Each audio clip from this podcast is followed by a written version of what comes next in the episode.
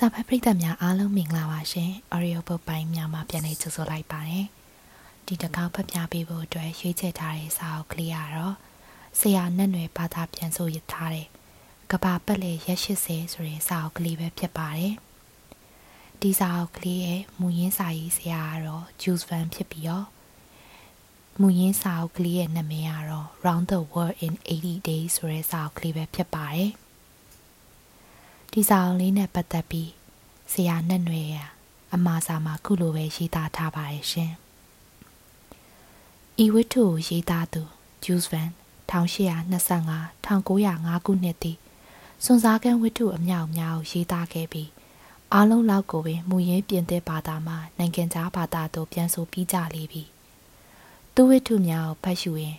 စာဖတ်သူများကိုယ်တိုင်ခီးသွားနေရသည့်အလားစွန်စားနေရသည့်အလားဖြစ်သည် ဤဝတ္ထုကို1884ခုနှစ်တွင်ရေးသားခဲ့သည်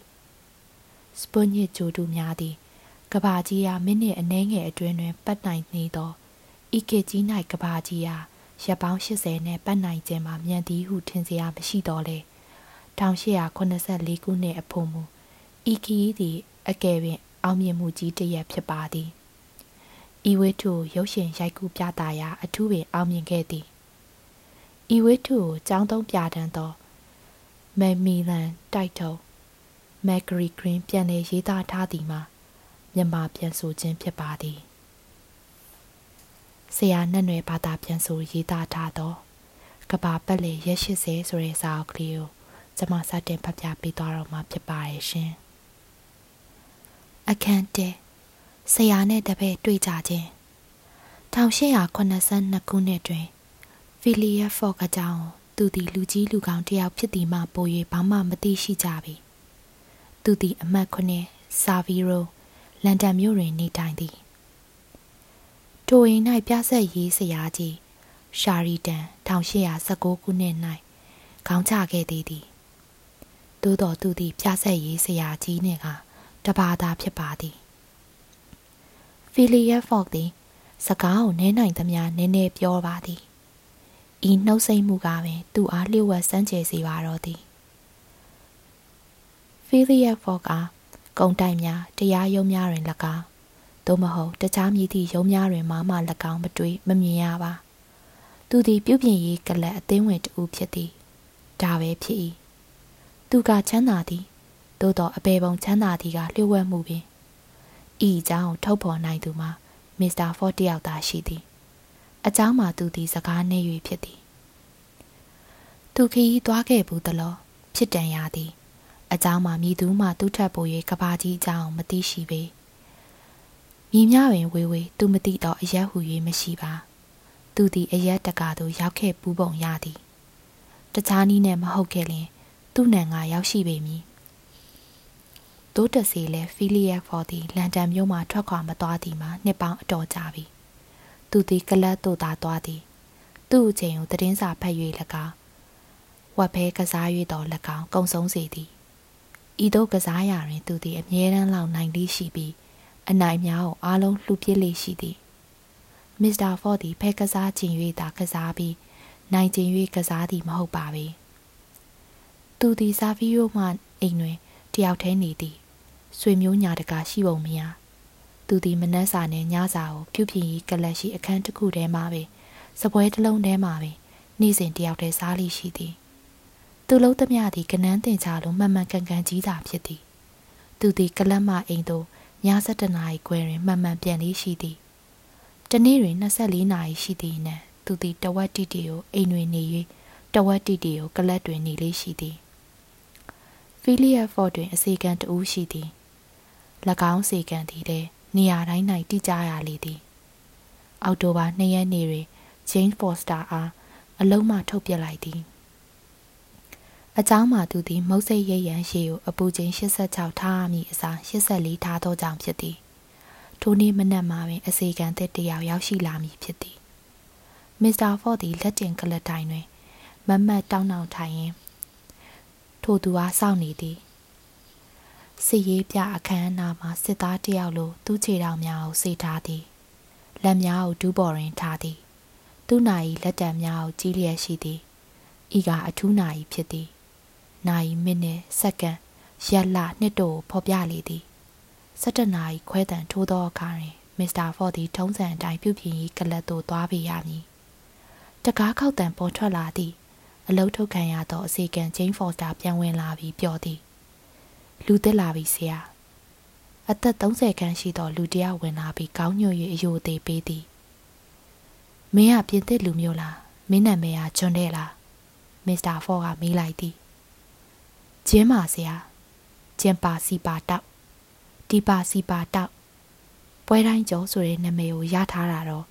ကျွန်တော်ဟာအခက်ခဲတိုင်းကိုလွန်မြောက်နိုင်လို့ပေါ့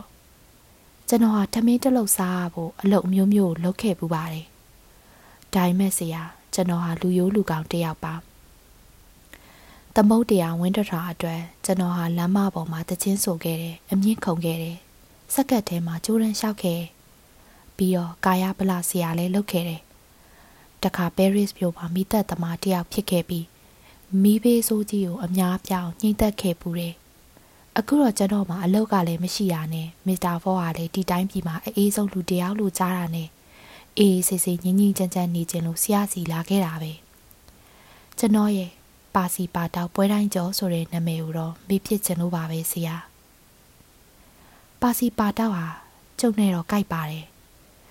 မင်းမလူကြီးလူကောင်းတယောက်ရဲ့တပည့်တယောက်အတွေ့အကြုံမျိုးရှိတယ်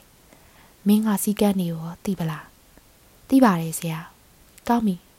အခုဘယ်ချိန်ရှိပလဲ7နာရီ25မိနစ် ပါစီပါတောက်သည်သူ့အိတ်ထဲမှကြီးမားသောငွေနာရီတစ်လုံးကိုထုတ်ယူကြည့်ရှုကာဖြေလိုက်သည်မင်းနာရီကနောက်ကျတယ်စိတ်တော့မရှိပါနဲ့ဆရာနောက်ကျတယ်ဆိုတာကတော့မဖြစ်နိုင်ပါဘူး၄မိနစ်လောက်နောက်ကျတယ်ကောင်းပြီ1882ခုနှစ်အောက်တိုဘာလ2ရက်နေ့မနက်7:29မိနစ်အချိန်အားစပြီးကျွန်တော်ဟာလူယိုးလူကောင်တယောက်ပါဆရာ။อืมမင်းကိုအလုပ်ခံလိုက်ပြီ။ မစ္စတာဖီလီယက်ဖော်သည်ထလိုက်သည်။ဘယ်လက်ဖြင့်အုတ်ထုပ်ကိုယူဆောင်ကဘာမှမပြောတော့ဘဲထွက်သွားလေသည်။ပါစီပါတောက်သည်အိရှိတကားပိတ်တံတစ်ကြိမ်ကြား၏။သူ့စီယာထွက်သွားခြင်းပင်ဖြစ်သည်။နောက်တစ်ကြိမ်တကားပိတ်တံကြားရသည်။ဂျိန်းဖော်စာထွက်သွားခြင်းဖြစ်သည်။အိမ်ထဲတွင်ပါစီပါတောက်တယောက်သာကြံ့ရိပ်ခဲ့လေသည်။အခန်းနှင့်ပါစီပါတောက်မှန်းချေကြိုက်ပြီးထင်နေခြင်း ပါစီပါတောက်သည်သူ့ဆရာခဏမြသာတွေးလိုက်ရတော့လေအတော်လေးချက်မိလေသည်ကောင်းမွန်လှပါသည် သူသည်အသက်40ခန်းရှိပေပြီသူမျက်နာတီတီခန့်ညာသည်အရက်ရှည်၍သပင်ရောင်ပြော့သည်ပရီးနေရီမတွန့်သည်သွားကောင်းမွန်လှပါသည် သူသည်စိတ်မလှုပ်ရှားတည်ငြိမ်အေးဆေး၍နိုင်နိုင်ချိန်ချိန်ရှိသည်ခေါင်းအေးအေးနဲ့ဆေးဆက်သေးကြသည့်လူစားမျိုးဖြစ်သည် သူကအပြောသမားမဟုတ်အလုပ်သမားဖြစ်သည်သူသည်အမြဲတမ်းအတူဆုံးလမ်းကိုလိုက်လေရှိသည်အကျိုးမရှိသောလှုပ်ရှားမှုကိုမလုပ်သူသည်နှောင့်နှေးကြံ့ကြာနေတတ်ခြင်းလည်းမရှိရေးကြီးတုတ်ပြလည်းမလုပ်တတ်အမြဲတမ်းအချိန်နဲ့ကြိုက်၍လှုပ်လေရှိသည်အဘယ်ကြောင့်သူသည်တယောက်တည်းနေတတ်သည်ကိုသိနိုင်သည်အเจ้าမှာလူများနဲ့ဆက်ဆံရင်အံမကိုက်မှုများရှိတတ်လေသည်သူကလေးဖဲ့မှုကိုမလိုလား၍အမကိုက်မှုကိုလည်းရှောင်ရှားလေသည် ချင်းပါစီပါတောင်းသည် သူစိတ်ကြိုက်စရာရှာနေသည်မှာနှစ်အတော်ညောင်းခဲ့လေသည်သူသည်နူးညံ့သိမ်မွေ၍ရိုသေးကျိုးနွန်တတ်သည်ရိုးသား၍တစ္ဆာရှိသည် သူတွင်ရိုးသားသောခေါင်းလုံးလုံးရှိ၍မျက်နာမှာရွှင်လန်းသည်မျက်လုံးပြသည်ကြီးမာတုတ်ခိုင်သည်အာရင်ပြေဖြိုးသည်ဆန်ညို၍အနှဲငယ်ကြမ်းတမ်းသည်ဘီနှင့်သုံးချက်တက်၍ခေါင်းဖိခြင်းကိုပြီးစီးပြီးဖြစ်သည်သူ၏စိတ်မြန်လက်မြန်နှင့်ဒူးဒူးတောက်တောက်နိုင်မှုများသည် ဖီလီယက်ကစ်ဖော့နှင့်အန်ကြားမကြစောင့်ကြည့်နေရပေလိမ့်မည်ပါစီပါတောက်သည်မစ္စတာဖော့လိုလာသောအချက်ကြကြတီးကြကြတပည့်မျိုးဖြစ်ပါမလားဆိုသည်ကိုတော့လက်တွေ့ရတာပြနိုင်ပေလိမ့်မည်သူ၏ရခင်လုပ်ငန်းဆယ်ခုတွင်တော့အလုပ်ရှင်များသဘောကျနိုင်စရာမရှိပေ၎င်းတို့ကခီးသွား၍စွန့်စားလိုကြသည်ဤဒီယိုပါစီပါတောက်ကစိတ်မဝင်စားပါပေ။ငယ်ရွယ်စဉ်ဘဝတစ်လျှောက်လုံးလှည့်လည်သွားလာခဲ့ရ၍ သူသည်ယခုအခါအခြေဆိုင်လိုစိတ်ပြင်းပြနေလေသည်ဖီလီယက်ဖော်အိမ်မှမခွာသောအချိန်မှန်သူတယောက်သည် သူရှာပွေနေသောဆရာမျိုးပင်ဖြစ်လေသည်၁၇နာရီခွဲတန်ထိုးပြီးဖြစ်သည်ပါစီပါတောက်သည်အိမ်တစ်ခုလုံးအစားမအစုံတိုင်းလိုက်လံကြည့်ရှုစစ်ဆေးနေလေသည်အိမ်မှာတန်ရှင်း၍အထားသို့အစီအစဉ်ကြားနာသည်သူသူဟာသဘောကျလေသည်လေးတက်တွင်သူနေရမည်အခန်းကိုတွေ့ရှိလေသည် အခန်းထဲတွင်လျှက်ဆက်ခေါင်းလောင်ပြင်သူ့ဆရာအခန်းထဲဆက်ထားသော စကားပြောပိုက်ရှိလေသည်မိဖို့အထက်နာတွင်လျှက်ဆက်နာယီတစ်လုံးရှိပြီးမစ္စတာဖော့အခန်းထဲမှာနာယီနှင့်အချိန်တူဖြစ်သည်နာယီနှလုံးသည်အချိန်တူတွင်စက္ကန့်တူရွေရှားလျက်ရှိသည်ငါနဲ့တော့အန်ကိုက်နေတာပဲဟုပါစီပါတောက်ကတွေးမိလေသည်နေ့စဉ်ပုံသေးလုပ်ငန်းကိုဖော်ပြထားသောညွှန်ကြားချက်များနာယီပေါ်တွင်တွေ့ရှိတတိထားမိလေသည်မနက်၈နာရီတွင် မစ္စတာဖော့အိယာမှထလေသည်သူသည်မနက်7နာရီခွဲမှည7နာရီခွဲအထိပြုပြင်ရေးကလပ်သို့သွားသည်တနေ့တာလုပ်ငန်းများအားလုံးကြိုတင်၍အကွက်ချထားလေသည်၈နာရီ23မိနစ်မှာလက်ဖက်ရည်နဲ့ပေါင်းမုံမိခင်9နာရီ38မိနစ်မှာမုတ်စိတ်ရိပ်ရန်ရီ9နာရီ40မိနစ်တွင်ကောင်းပြီးအစီအစဉ်များအောင်စဉ်းစား၍ပါစီပါတောက်ကသဘောအကြကြီးကြနေလေသည် သူဟာဆက်လက်၍အသေးစိတ်တွေးတောလျက်ရှိသည်မစ္စတာဖော့သည်ကလပ်မှနာနာယီဝက်ကြောင်လမ်းလျှောက်၍ပြန်လာရသဖြင့်ညတကောင်တွင်အိယာဝင်လေသည်ထို့နောက်ဖီလီယက်ဖော့၏အဝတ်စားများသည်တိတိကျကျရွေးချယ်စီစဉ်ထားသည်ကိုလည်းတွေ့ရသည်ဘောင်းမီတိုင်းကဝင်းကြီးတိုင်းမှာနံပါတ်များရှိလေသည်မြည်သည့်နံပါတ်ကိုမြည်သည့်နေ့တွင်ဝေလေရှိကြောင်းအချိန်စရာတစ်ခုရေးဆွဲထားသည်ဖနက်များတွင်လည်းအလအားတူဆက်ရားများရှိလေသည် ကြံသည့်အိမ်တစ်ဆောင်လုံးတွင် ရှာရှိတန်လက်ထက်ကမတည်ရက်ခဲ့သမျှယခုကအစီအစဉ်ကြနာ၍နှစ်သက်ဖွယ်ရာရှိလာသည်မစ္စတာဖော့၏အိတ်ခမ်းတွင်၌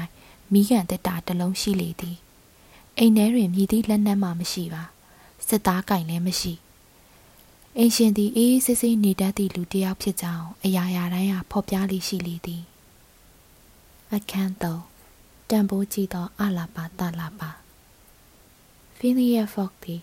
သူ့အိမ်မှ17နာရီခွဲတွင်ထွက်ခဲ့သည်ညာချေကို985လမ်းဘဲချေကို986လမ်းလှမ်းပြီးသောအခါတွင် သူသည်ပြုပြင်ရေးကလပ်သို့ရောက်ရှိလေသည်ဤအစာဦးကြီးကလန်ဒန်မြို့၏နာမည်ကျော်ပေါ်မော်လမ်းမကြီးတွင်တည်ရှိ၍၎င်းကိုစောက်လုပ်ရာတွင်အ ਨੇ ဆုံးပေါင်3သိန်း2000ခန့်ကုန်ကြပေလိမ့်မည် မစ္စတာဖော့သည်ထုံးစံအတိုင်းထမင်းစားကန်းထဲသို့တန်းဝင်သွားသည်ထမင်းစားကန်း၏ပဒင်းပေါက်ကိုပေါက်သည်လှပသောဥယျာဉ်ဘက်သို့ဖွင့်ထားလေသည်တရွက်များသည်ရသည်အလျောက်ရွှေဝါရောင်ဖြောနေကြသည် ထိုင်နေကြနေရာတွင်ထိုင်၍သူသည်နေ့လည်စာစားတောက်လေသည်နေ့လည်စာမှာငါးချင်ရီအမဲကင်တတိယတိန်ကျင်နဲ့လက်ဖက်ရည်ကြကြတစ်ခွက်ဖြစ်လေသည်12နာရီ48မိနစ်တွင် သူသည်ကြက်တီရီပြေးဖြိုးသောအဲကန်းဆောင်သို့သွားသည်နေရံများတွင်ပကြီးကားများချိတ်ဆွဲထားသည်ထိုတွင်သူသည်3နာရီ45မိနစ်အထိ Times သတင်းစာကိုဖတ်သည်ထို့နောက်ညနေတုန်းစတင်တက်သတင်းစာကိုညစာစားချိန်အထိဖတ်သည်6နာရီထိုးဖို့မိနစ်20အလိုတွင်မစ္စတာဖော့သည်အေကန်သို့သွားပြီး Chronicle ဖတ်ပြန်သည် နောက်နာရီဝက်ကြာသောအခါအသင်းဝင်အမြောက်များသည်ရောက်ရှိလာကမိဖို့ပေးနိုင်စုနေကြလေသည်၎င်းတို့မှာမစ္စတာဖော့၏ဝက်ဘဲကစားဘက်များဖြစ်ကြသည် သူ့လိုပင်ဝက်ဘဲဆွဲသူများဖြစ်ကြသည်၎င်းတို့သည်ဂုံတီရှိလူချမ်းသာအသင်းသားများဖြစ်ကြသည်အင်ဂျင်နီယာအန်ဒရူးစတူဝတ်ဗန်တိုက်ပိုင်ရှင်များဖြစ်ကြသောဂျွန်ဆူလီဗန်နှင့်ဆင်မြူဝယ်ပေါ်လင်တင် ပြစ်ဆက်ပိုင်ရှင်ဖြစ်သောမက်ဖလင်နဂန်နှင့်အင်္ဂလန်ပြည်ဗန်အုပ်ချုပ်ရေးအဖွဲ့ဝင်လူကြီးကော်တီယာရက်ဖ်တို့ဖြစ်ကြသည်ဒီမဲရက်ဖ်ခုမှုကဘယ်နဲ့လဲလေ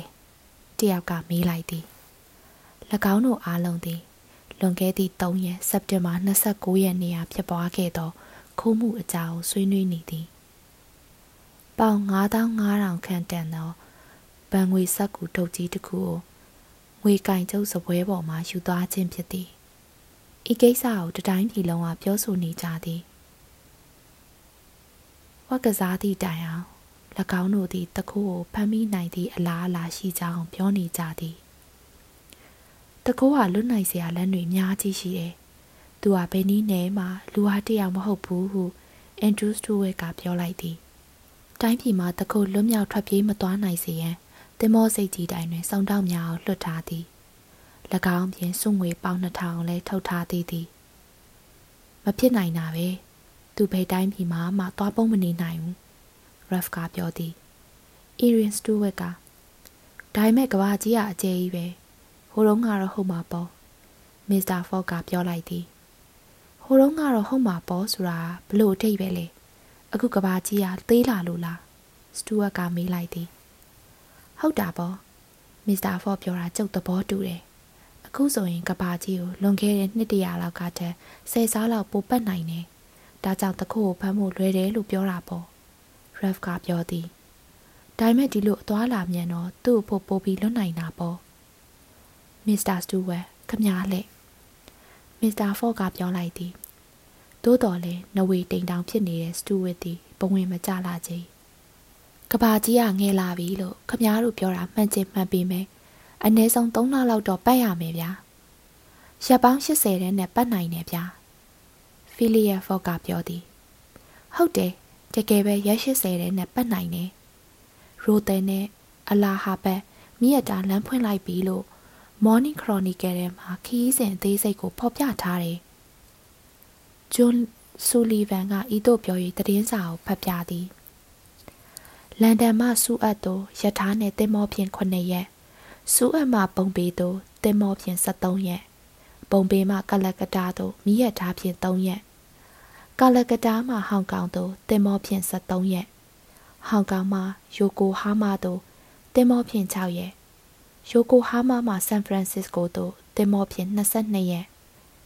ဆန်ဖရန်စစ္စကိုမှနယူးယောက်သို့တင်မောဖြင့်9ရက်နယူးယောက်မှလန်ဒန်သို့ တင်မောနှင့်ရထားဖြင့်9ရက်စုစုပေါင်းပေါင်းရက်80อืมရက်80ဆိုတာကတော့ဟုတ်ပါပြီဒါပေမဲ့ရာသီဥတုမကောင်းတာတို့တင်မောပြတ်တာတို့တော့ထဲမတွက်တော့ဘူးလားအန်ဒရူးစတူဝက်ကမေးလိုက်သည်အားလုံးထဲတွက်ပြီးသားဖီလီယက်ဖော့ကဖြေလိုက်သည်သူဟာဝက်ကိုစက်ကစားသည်အเจ้าမှာသူတို့သည်ဖဲကိုကျူးမဆိုင်တော့ပဲလေပန်းနေကြ၍ဖြစ်သည်နိုင်ဖဲနှစ်ချက် သူကပြောပြီးဖဲမြောက်အောင်စပွဲပေါ်ချလိုက်သည်အန်ဒရူးစတူဝဲကလပ်ဖန်ထိုးရမည်အလဲဖြစ်သည်သူကဖဲမြောက်ကိုသိမ်းယူရင်းပြောလေသည်စာဆိုအရာတော့ခမည်းကမှန်ပါပေါ့ဒါပေမဲ့လက်တွေ့ကြတော့ဗျာမဖြစ်နိုင်တဲ့ဘက်ကပေါင်၄000လောက်တောင်လောင်းကြိုက်ချင်းဆန်းလာပါတယ်လက်တွေ့မှာလည်းမှန်တာပဲမစ္စတာစတူဝတ်ဒါဟာဖြစ်နိုင်တဲ့ခီးစင်ပဲဖီလီယာဖလော့ကပြောလေသည် ဒီလိုဆိုရင်ခမည်းသွားကြည့်ပါလားကဘာပတ်လေရက်80လားကောင်းပြီဒါပေမဲ့ကျွန်တော်တခုတော့ပြောမယ်ခမည်းစရိတ်နဲ့သွားမှာနော်ပေါက်တီပေါက်ရှာရီဗျာလာကျုပ်တို့ဖဲပဲပြန်ကစားအောင်အင်ဒရူးစတူဝက်ကစနိုးစနောက်နဲ့ပြောလေသည်ဒါဖြင့်ကလပ်ဖန်ထိုးဖဲဝေတာမှားနေတယ်မစ္စတာဖော့ကပြောလိုက်သည်အန်ဒရူးစတူဝက်ကတုံရီသောလက်များဖြင့်ဖဲများကိုကောက်ကင်လိုက်သည် ထို့နောက်သူချက်ချင်းပြန်ချထားလိုက်ပြီးပြီးတော့ပြောသည်ကျွန်တော်လောင်းမယ်ပြောရင်တကယ်လောင်းတာပဲမစ္စတာဖော့ကျွန်တော်ပေါင်၄000လောင်းနေဗျာကောင်းပြီဘာရင်ပံမှာကျွန်တော်အပ်ထားတဲ့ပေါင်2000ရှိတယ်အဲ့ဒီပေါင်2000လောင်းမယ်ဗျာပေါင်2000ဟုတ်လားမမျော်လင့်တဲ့နှောင်နှေးမှုတစ်ခုတည်းနဲ့ခမအဲ့ဒီပတ်စံနေရှုံးသွားမယ်နော်ဂျွန်ဆူလီဗန်ကပြောသည် မမျော်လင့်တဲ့ကိစ္စဆိုတာမရှိပါဘူးဖီလီယာဖော့ကပြောလိုက်သည်ဒါပေမဲ့ခမကကနန်းတွက်ပြထားသလိုမိရထားကနေတင်မောတင်မောကနေမိရထားကိုခုန်ကူးရမှာနော်ကနန်းတွက်ပြထားသလိုပဲခုန်ကူးမှာပေါ့ခမနောက်နေတာလားတယောက်ကမေးလိုက်သည်ယခုကအားလုံးဟာစိတ်ဝင်စားလျက်ရှိကြပြီလူကြီးလူကောင်းစစ်စစ်တယောက်ဟာအလောင်းအစားအကြောင်းပြောရင်ဘယ်တော့မှမနောက်ဘူး ကျွန်တော်ဟာကဘာကိုရက်ပေါင်း80ဒါမှမဟုတ်တားထက်လျော့ပြီးပတ်မယ်ဆိုတာဘယ်သူမဆိုလောင်းမယ်ရက်ပေါင်း80ဟာနာရီပေါင်း920ရှိရဲ့မိနစ်ပေါင်းအနေနဲ့တသိန်း15200ရှိရဲ့ဘယ်နဲ့လဲစိန်ကြမလားသူ့မိတ်ဆွေများအားလုံးဟာစိန်ကြသည်သူ့လောင်းချင်းဝင်2000ဖြစ်ရင်တယောက်လျင်4000စီလောင်းကြသည်ကောင်းပြီဒိုဗာယထာဟာ8နာရီ45မှာထွက်မယ် အဲ့ဒီယထာနဲ့ကျုပ်လိုက်သွားမယ်မစ္စတာဖော့ကပြောလိုက်သည်ခဏညစတူဝတ်ကမေးသည်ခဏညပဲဖီလီယက်ဖော့ကပြန်ပြောပြီးအိတ်ဆောင်ပြက်ကလေးကိုထုတ်ကြည့်သည်။ကနေ့အောက်တိုဘာ2ရက်ဗုဒ္ဓဝူးနေ့ကျွန်တော်ဟော်ရီအခန်းထဲကိုဒီဇင်ဘာ21ရက်စနေနေ့ည8:45မိနစ်ကိုအရောက်ပြန်လာခဲ့မယ်။တကယ်လို့ကျွန်တော်ပြန်ရောက်မလာရင်ဗန်ထဲမှာရှိရဲ့ငွေ2000ဟာခမားတို့ပိုင်ပြီပဲ။ ဟော်ရီမှာချက်လက်မှတ်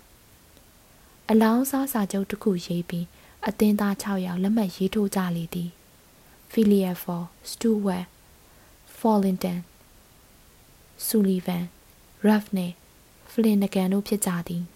။ Philia for သည်ပကတိတည်ငြိမ်စွာရှိနေသည်။သူသည်ရှိသမျှစည်းစိမ်တဝက်ကိုလောင်းစား၍ကြံတဝက်ကိုခီးစရိပ်ပြုလုပ်ရပေမည်။တစ်ဖက်တွင်ကသူ့မိတ်ဆွေများသည်လိပ်ပြမတတ်မဲရှိကြသည် အเจ้าမှာအလောင်းစားသည်တစ်ဖက်သက်ကြပြီးမမျှတာဟုသူတို့ကတွက်ဆကြသောကြောင့်ဖြစ်သည်ဤချိန်တွင်9နာရီထိုးတန်ထွက်ပေါ်လာသည်ခီးသွားရေးအတွက်ပြင်ဆင်စရာရှိသည်ကိုပြင်ဆင်နိုင်ရန်ဝိုင်းသိမ့်မလားဟုမစ္စတာဖော့ကိုမေးကြသည်ကျွန်တော်အမြဲတမ်းအဆင်သင့်မယ်ဖီလီယက်ဖော့ကပြန်ဖြေသည်ဒိုင်းမွန်ကနိုင်ပဲမစ္စတာစတူဝမ်ခမားဆရမှာသူကဖဲဝေပြီးပြောလိုက်သေးသည် အခန်းလေးပါစီပါတောင်းမြင့်တက်မိခြင်း9နာရီ25မိနစ်တွင်ဖီလီယာဖော်သည်မိတ်ဆွေများထံမှခွင့်တောင်း၍ကလပ်မှပြန်ခဲ့လေသည်သူဟာခီနီ20နိုင်လေသည်9နာရီမိနစ်50တွင်သူအိမ်ရောက်သည်ပါစီပါတောက်သည်နေ့စဉ်စရာကိုတေးသေးချာချာလေးလာထားသည်အစီအစဉ်အရဆိုရင်မစ္စတာဖော့သည်အိမ်သို့ည7နာရီမထိုးခင်မပြန်ကြည့် သူဝင်လာသောအတန်ကိုကြားသောအခါပါစီပါတောက်သည်သူ့နားကိုသူမယုံသလိုဖြစ်နေသည်ဖီလီယက်ဖော်သည်သူ့ခန်းထဲသို့ဝင်သွားပြီးထိုမှနေ၍သူ့တပည့်အားအော်ခေါ်လေသည်ပါစီပါတောက်ကမထူးပါကြသူ့အားခေါ်သည်မဟုတ်အချိန်မဟုတ်ပါစီပါတောက်မစ္စတာဖော်အားထပ်ခေါ်လိုက်သည်ပါစီပါတောက်သွားသည်မင်းကငါနှစ်ခါတောင်ခေါ်ရတယ်အခု၁၂နာရီမှမထိုးသေးပဲ ပါစီပါတောက်ကလက်ထဲတွင်နာရီကိုကင်ထားရင်းပြောသည်မထိုးသေးမှငါသိပါတယ်မင်းကိုအပြစ်တင်နေတာမဟုတ်ပါဘူးတို10မိနစ်အတွင်းဒိုဘာကိုသွားကြမယ်တပည့်သည်အကြံအိုက်သောအပြုံးကိုဖော်ပြလိုက်သည်ဆရာတခြားကိုသွားမလို့လားဟုတ်တယ်ဒိုကဘာလှဲ့မယ်ပါစီပါတောက်သည်မတက်ကြောက်ရွံ့မျက်လုံးအဖြူအယုတ်ကြိုးပြန်ပြီးတော့ညီးသည်ကဘာလှဲ့မယ်ရက်80တဲ့နဲ့ မစ္စတာဖောကဖြေလိုက်သည်အဲ့တော့ဒုခဏလေးမှအချိန်မဖြုံးနဲ့ဒါပေမဲ့တစ်တာတွေတစ်တာတွေမယူတရေအိတ်ပဲတော်ပြီငါအတွက်ရှယ်အင်းကြီးနှစ်တဲချီသုံးစုံမင်းလက်ဒီတိုင်းပဲယူတို့လိုတာကိုလမ်းမဝင်မယ်ငါမိုးကအင်ကြီးနဲ့ကော်စောကိုယူခဲ့တို့လမ်းသိမ့်မလျှောက်ပေမဲ့ဖနက်ခိုင်ခိုင်တော့ယူခဲ့သွားတော့ပါစီပါတောက်ကပြန်ပြောလို့သည် သို့တော်သူကစကားမပြောနိုင်သူ့အခန်းသို့ပြန်၍ကလတ်ထိုင်တစ်လုံးပေါ်တွင်ခြေပြေးလက်ပြေးထိုင်လိုက်သည်။อืมသွားမယ်တဲ့။ငါကတော့အေးစိတ်နေရပြီထင်းနေတာ။ထို့နောက်သူသည်ပြာကြီးပြာရနဲ့ပြင်ဆင်ရပါတော့သည်။ကဘာပတ်လေရက်80တဲ့။သူ့စီယာယူနေပြီလော။မယူဟုထင်သည်။နောက်ပြောင်သည်လော။မဟုတ်တန်ရာ။သူတို့သည်ဒိုဘာသို့သွားကြမည်။အမှန်ပဲဖြစ်သည်။ ကာလိုင်းသို့သွားမည်။မှန်၏ပဲရစ်သို့သွားမည်အီရင်မူအိမ်မြဲသည့်လူကြီးလူကောင်းတစ်ယောက်သည်ပဲရစ်မြို့ရဲ့မြို့တော်ထက်တော်ပုံမသွားတန်ကောင်းပြီး9မိနစ်အတွင်း၌ပါစီပါတောက်သည်တရေအိတ်ကိုအသင်းဖြစ်စေသည်မစ္စတာဖော့သည်အစင်သင်းဖြစ်နေပြီဘရက်ရှော၏မိရတာမိသက်တာနှင့်အထွေထွေလမ်းညွန်စာအုပ်ကိုဆရာသည်ဂျိုင်းတွင်ညှက်ထားလေသည် ခီးစဉ်အတွက်တီးလိုရာများကိုဤစာအုပ်မှရရှိနိုင်ပေသည်သူသည်ပါစီပါတောက်ထံမှတရေအိတ်ကိုယူ၍ဖွင့်လိုက်ပြီးနေရာတိုင်း၌သုံးဆွဲနိုင်သောလှပသည့်ဗန်ငွေဆက်ကူစည်းကိုထည့်လိုက်သည်မင်းဘာများမေ့နေသေးလဲဘာမှမမေ့ပါဘူးဆရာကောင်းပြီဒီအိတ်ကိုယူခဲ့ကောင်းကောင်းကျူးဆိုင်တော့ပေါင်2000ပါတယ်ပါစီပါတောက်သည်အိတ်ကိုလွတ်ကြမတက်ဖြစ်သွားသည် ငွေများသည်ရွှေများဖြစ်ကလေးလံသွားသည့်နယ်ဖြစ်သည်ဆရာနှင့်တပည့်သည်လှေကားမှဆင်း၍အိမ်ရှိတကားမှထွက်မိသောအခါတကားကိုတောက်ခတ်လိုက်သည်မြင်းရထားတစီသည်၎င်းတို့အားချာရင်ခရပူရာသို့လျင်မြန်စွာတိတ်ဆောင်သွားသည်၎င်းပူရာမှနေ၍ဒိုဘာယထာကိုစီးရမည်ထင်သည်၈နာရီမိနစ်20တွင်မြင်းရထားသည်ဘူရာယုံသို့ရောက်၍ပါစီပါတောက်သည်ခုံဆင်းလိုက်သည် သူ့စရာလဲလိုက်ဆင်း၍ယထာကကိုပေးသည်ဤအချိန်တွင်တရောင်းစားမတယောက်သည်ဖနှက်မပါပဲရှင်ထဲမှရက်လျက်ဘေးမှကလေးတယောက်ကိုထားတောင်းရလျက်ရှိသည်မစ္စတာဖော့သည်ဖဲနိုင်လာသောကီနီရွှေရင်းငါးပြား20ကိုအိတ်ထဲမှထုတ်၍တရောင်းစားပေးလိုက်သည်ရော့မင်းနဲ့တွေ့ရငါသဘောကျတယ်ပါစီပါတောက်သည်ဤစကားကိုကြားလိုက်ရ၍သူ့ဆရာချစ်သွားသည်မစ္စတာဖော့နှင့်သူသည် ပလက်ဖောင်းကြီးသို့ရှောက်လာခဲ့ကြသည်မစ္စတာဖော့ဟာသူ့အားပဲရစ်သို့ပထမတန်းလက်မှတ်နှစ်ဆောင်ဝယ်ခိုင်းသည်လှည့်ကြည့်လိုက်သောအခါဖီလီယက်ဖော်သည်ပြုပြင်ရေးကလပ်အသင်းသားများအားပလက်ဖောင်းပေါ်တွင်တွေ့ရသည်လူကြီးမင်းများခင်ဗျာကျွန်တော်သွားပြီဟော်ရီမှာကျွန်တော်လမ်းနိုင်ငံကူးလက်မှတ်ပြည်ဝင်ခွင့်လက်မှတ်တွေကခမားတို့ကိုတသက်ခံပါလိမ့်မယ်ဗျာဒါမလိုပါဘူးဗျာ ကျွန်တော်တို့ကခမားစကားကိုလူကြီးလူကောင်းစကားဖြစ်နေလက်ခံပါတယ်ရဖ်ကရင်ကြီးစွာပြောလိုက်သည်တသက်ခံပါတော့ပိုကောင်းတာပေါ့ဗျာမစ္စတာဖော့ကပြောသည်ခမားပြန်ရောက်ရမယ့်နေ့ကိုမှတ်မိတယ်နော်အန်ဒရူးစတူဝက်ကမေးသည်ရပ်ပေါင်း80အတွင်းဖီလီယက်ဖော့ကပြန်ပြောသည်1882ခုနှစ်ဒီဇင်ဘာလ21ရက်နေ့စနေနေ့ည8:45မိနစ်ကဲအားလုံးသွားမယ် 8:40မိနစ်တွင်မေဇာဖောနှင့်သူ့တပည့်တို့သည်ကိုနေရာကိုထိုင်ကြသည်8:45မိနစ်တွင်အုပ်ဩတန်စူးစူးတစ်ချက်ကိုကြားပြီးယထာစားထွက်လေသည်အပြင်ဘက်တွင်ညသည်မှောင်၍မိုးများရွာသွန်းနေလေသည်ဖီလီယက်ဖော်သည်ငြိမ်သက်စွာထိုင်နေသည်ပါစီပါတောက်ကဖြစ်ပျက်လီသမျှတို့ကြောင့်ယခုထက်တိုင်မဦးမလဲရှိနေသည်တရေအိတ်ကိုရင်ခွင်ထဲသို့တင်းကျပ်စွာပွေဖက်ထားသည်ရုတ်တရက်သူသည်စိတ်ပြက်လက်ပြက်អော်လိုက်သည် ဘာဖြစ်တာလဲဟိမစ္စတာဖော့ကမေးသည်ကျွန်တော်ပြတာကျွန်တော်မေ့သွားတယ်ဘာလဲကျွန်တော်အခန်းထဲကမီးမငိမ့်ခဲ့မိဘူးอืมဒီလိုဆိုရင်မင်းစရိတ်နဲ့မီးလင်းနေမှာပေါ့အခန်းကကပအမြင်လန်ဒန်မြို့မှထွက်လာသောအခါဖီလီယက်ဖော်သည်သူ့ခီးမှဘာဖြစ်မည်ကိုစိတ်လည်းမဝင်စားစိတ်လည်းမလှုပ်ရှားပါပြီ အလောင်းစားအကြောင်းသည်ချက်ချင်းဆိုသလိုပင် ပြုပြင်ရေးကလပ်အသင်းသားများကြဝေအာယုံစူးဝင်လျက်ရှိသည်နိုင်ငံအတွင်းရှိသတင်းစာတိုင်းမှလည်းဤအကြောင်းကိုဖတ်ကြရသည်ပထဝီနှင့်ပတ်သက်လျင်ဘာဝပဲဖြစ်ဖြစ်အင်္ဂလိပ်များစိတ်ဝင်စားတတ်ကြောင်းလူတိုင်းသိပေသည်ဤကဘာလက်ခီးကြောင်းနေရာတိုင်းတွင်ထထတန်တန်နဲ့အကျိတ်အနယ်ငင်းခုန်နေကြသည်ယောက်ျားချို့သည်ဖီလီယက်ဖောဘတ်မှဖြစ်ကြသည်သို့တော်လည်းအများစုဟာသူ့အားဆန့်ကျင်လေသည် ရက်80အတွင်းကပောက်ပတ်မြီမှာမဖြစ်နိုင်ုံသာမကအယူထခြင်းဖြစ်သည်ဟုပြောကြသည်မစ္စတာဖော့အားအထူးယုံကြည်ကြသူများကတော့အမျိုးသမီးများဖြစ်ကြသည်သတင်းစာများတွင် သူ၏လှပသောမျက်နှာကိုဖော်ပြလိုက်ကြတဲ့အထူးတလဲထောက်ခံလာကြခြင်းဖြစ်သည်နောက်ဆုံး၌ကပထဝီအသင်းစီခန်းစာတွင်စောင်းမရှိကြီးပါရှိလာလေတော့သည်ဤဆောင်မတွင်အစ၌ပြဿနာကိုတောင်အသီးသီးမှချင်းကပ်ကြည့်၍ နောက်ဆုံးကြမှာအယူထခြင်းဖြစ်သည်ဟုဆိုထားသည်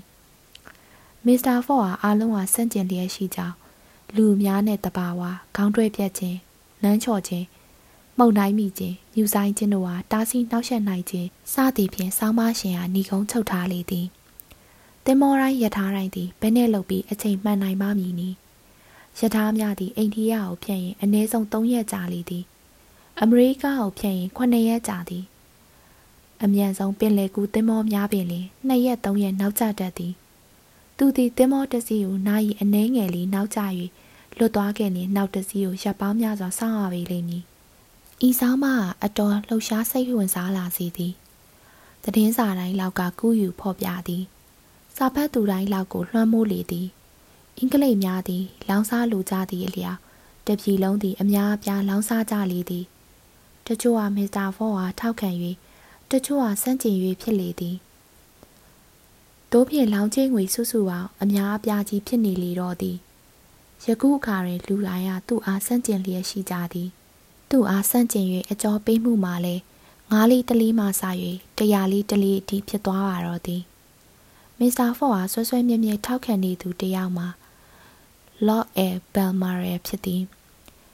ဤပုဂ္ဂိုလ်ကြီးဟာတွက်ချပါလာလိုက်နေ၍ကလတ်ထိုင်မှမထနိုင်က ကဘာတပတ်သာပတ်နိုင်မည်ဆိုရင်နှစ်နှစ်လောက်ကြာချင်းကြပါစေသူရှိသမျှစီးစိမ်အကုန်လောင်းမြည်လူကြီးဖြစ်သည်သူကဖီလီယက်ဖော့ပတ်မှာပေါင်9000လောင်းထားသည်တူးတယောက်ကသူ့အားမိုက်မဲသည်ဟုပြောလာလေသူကအောက်ပါအတိုင်းရှင်းရှင်းလေးပြန်ပြောလေသည်သူ့လုပ်ငန်းအောင်မြင်ခဲ့ရင်ဒါမျိုးကိုအင်္ဂလိပ်တွေပထမအဆုံးစလုပ်နိုင်လို့ကောင်းတာပေါ့တို့ရရင်မစ္စတာဖော့အားထောက်ခံသူများသည်နဲတည်တဲ့နဲပါလာလေသည် မစ္စတာဖော့ထွက်ခွာသွားပြီးသည့်နောက်9ရက်ကြာသောအခါအောက်တိုဘာလ9ရက်နေ့၌ပြဿနာပေါ်လာလေသည်ထိုပြဿနာကြောင့်ဤထူးဆန်းသောစွန့်စားခံအတွက်ထပ်မံလောင်းစားမှုများလုံးဝရပ်ဆိုင်းသွားလေသည်လန်ဒန်မြို့ရှိပလိတ်မင်းကြီးသည်ကျေးနန်းတစောင်လက်ခံရရှိလေသည်စူအပ်မှရိုက်လိုက်သောကျေးနန်းဖြစ်သည်၎င်းမှာကျွန်တော်ပန်တကိုဖီလီယက်ဖော်နောက်လိုက်နေသည် ပုံပေတွင်ဖန်ဝရံပို့ပါစုံတောင်းဖစ်ဤကျေးနန်းသည်ချက်ချင်းပြန့်သွားသည်၎င်း၏အကျိုးတက်ရောက်မှုသည်လက်တလောပင်ဖြစ်သည်မစ္စတာဖီလီယက်ဖော်သည်လူကြီးလူကောင်းဘဝမှရှော့၍ပန်တကိုးဖြစ်သူရောက်သွားလေသည်သူ့တပ်ပုံကိုအသေးချာစစ်ဆေးကြည့်သည်ခိုးမှုဖြစ်ပွားသည့်နေ့ကငွေကိုင်စပွဲနာတွင်မြင်လိုက်ရသောလူ၏ပုံပန်းနှင့်နှိုင်းယှဉ်ကြည့်ကြသည်ဖီလီယက်ဖော်၏လျှို့ဝှက်စမ်းကြိမ်မှုကိုအစပြန်ကောက်ကြသည် သူကတယောက်ထဲနေသည် လူအများနဲ့မရောပြီးတော့ရုတ်ချီခီးထွက်သွားသည်ကဘာလက်ခီးကိုမစ္စတာဖော့ကထွင်လိုက်ကြောင်းထင်ရှားနေလေသည်ဤခီးအတွက်အရန်ဆွ၍လောင်းစားလိုက်ခြင်းသည်အင်္ဂလိပ်ဆောင်တောင်များအားမျက်ခြေဖြန့်ရန်ရည်ရွယ်ချက်တစ်ခုရဲ့အတွက်ဖြစ်သည်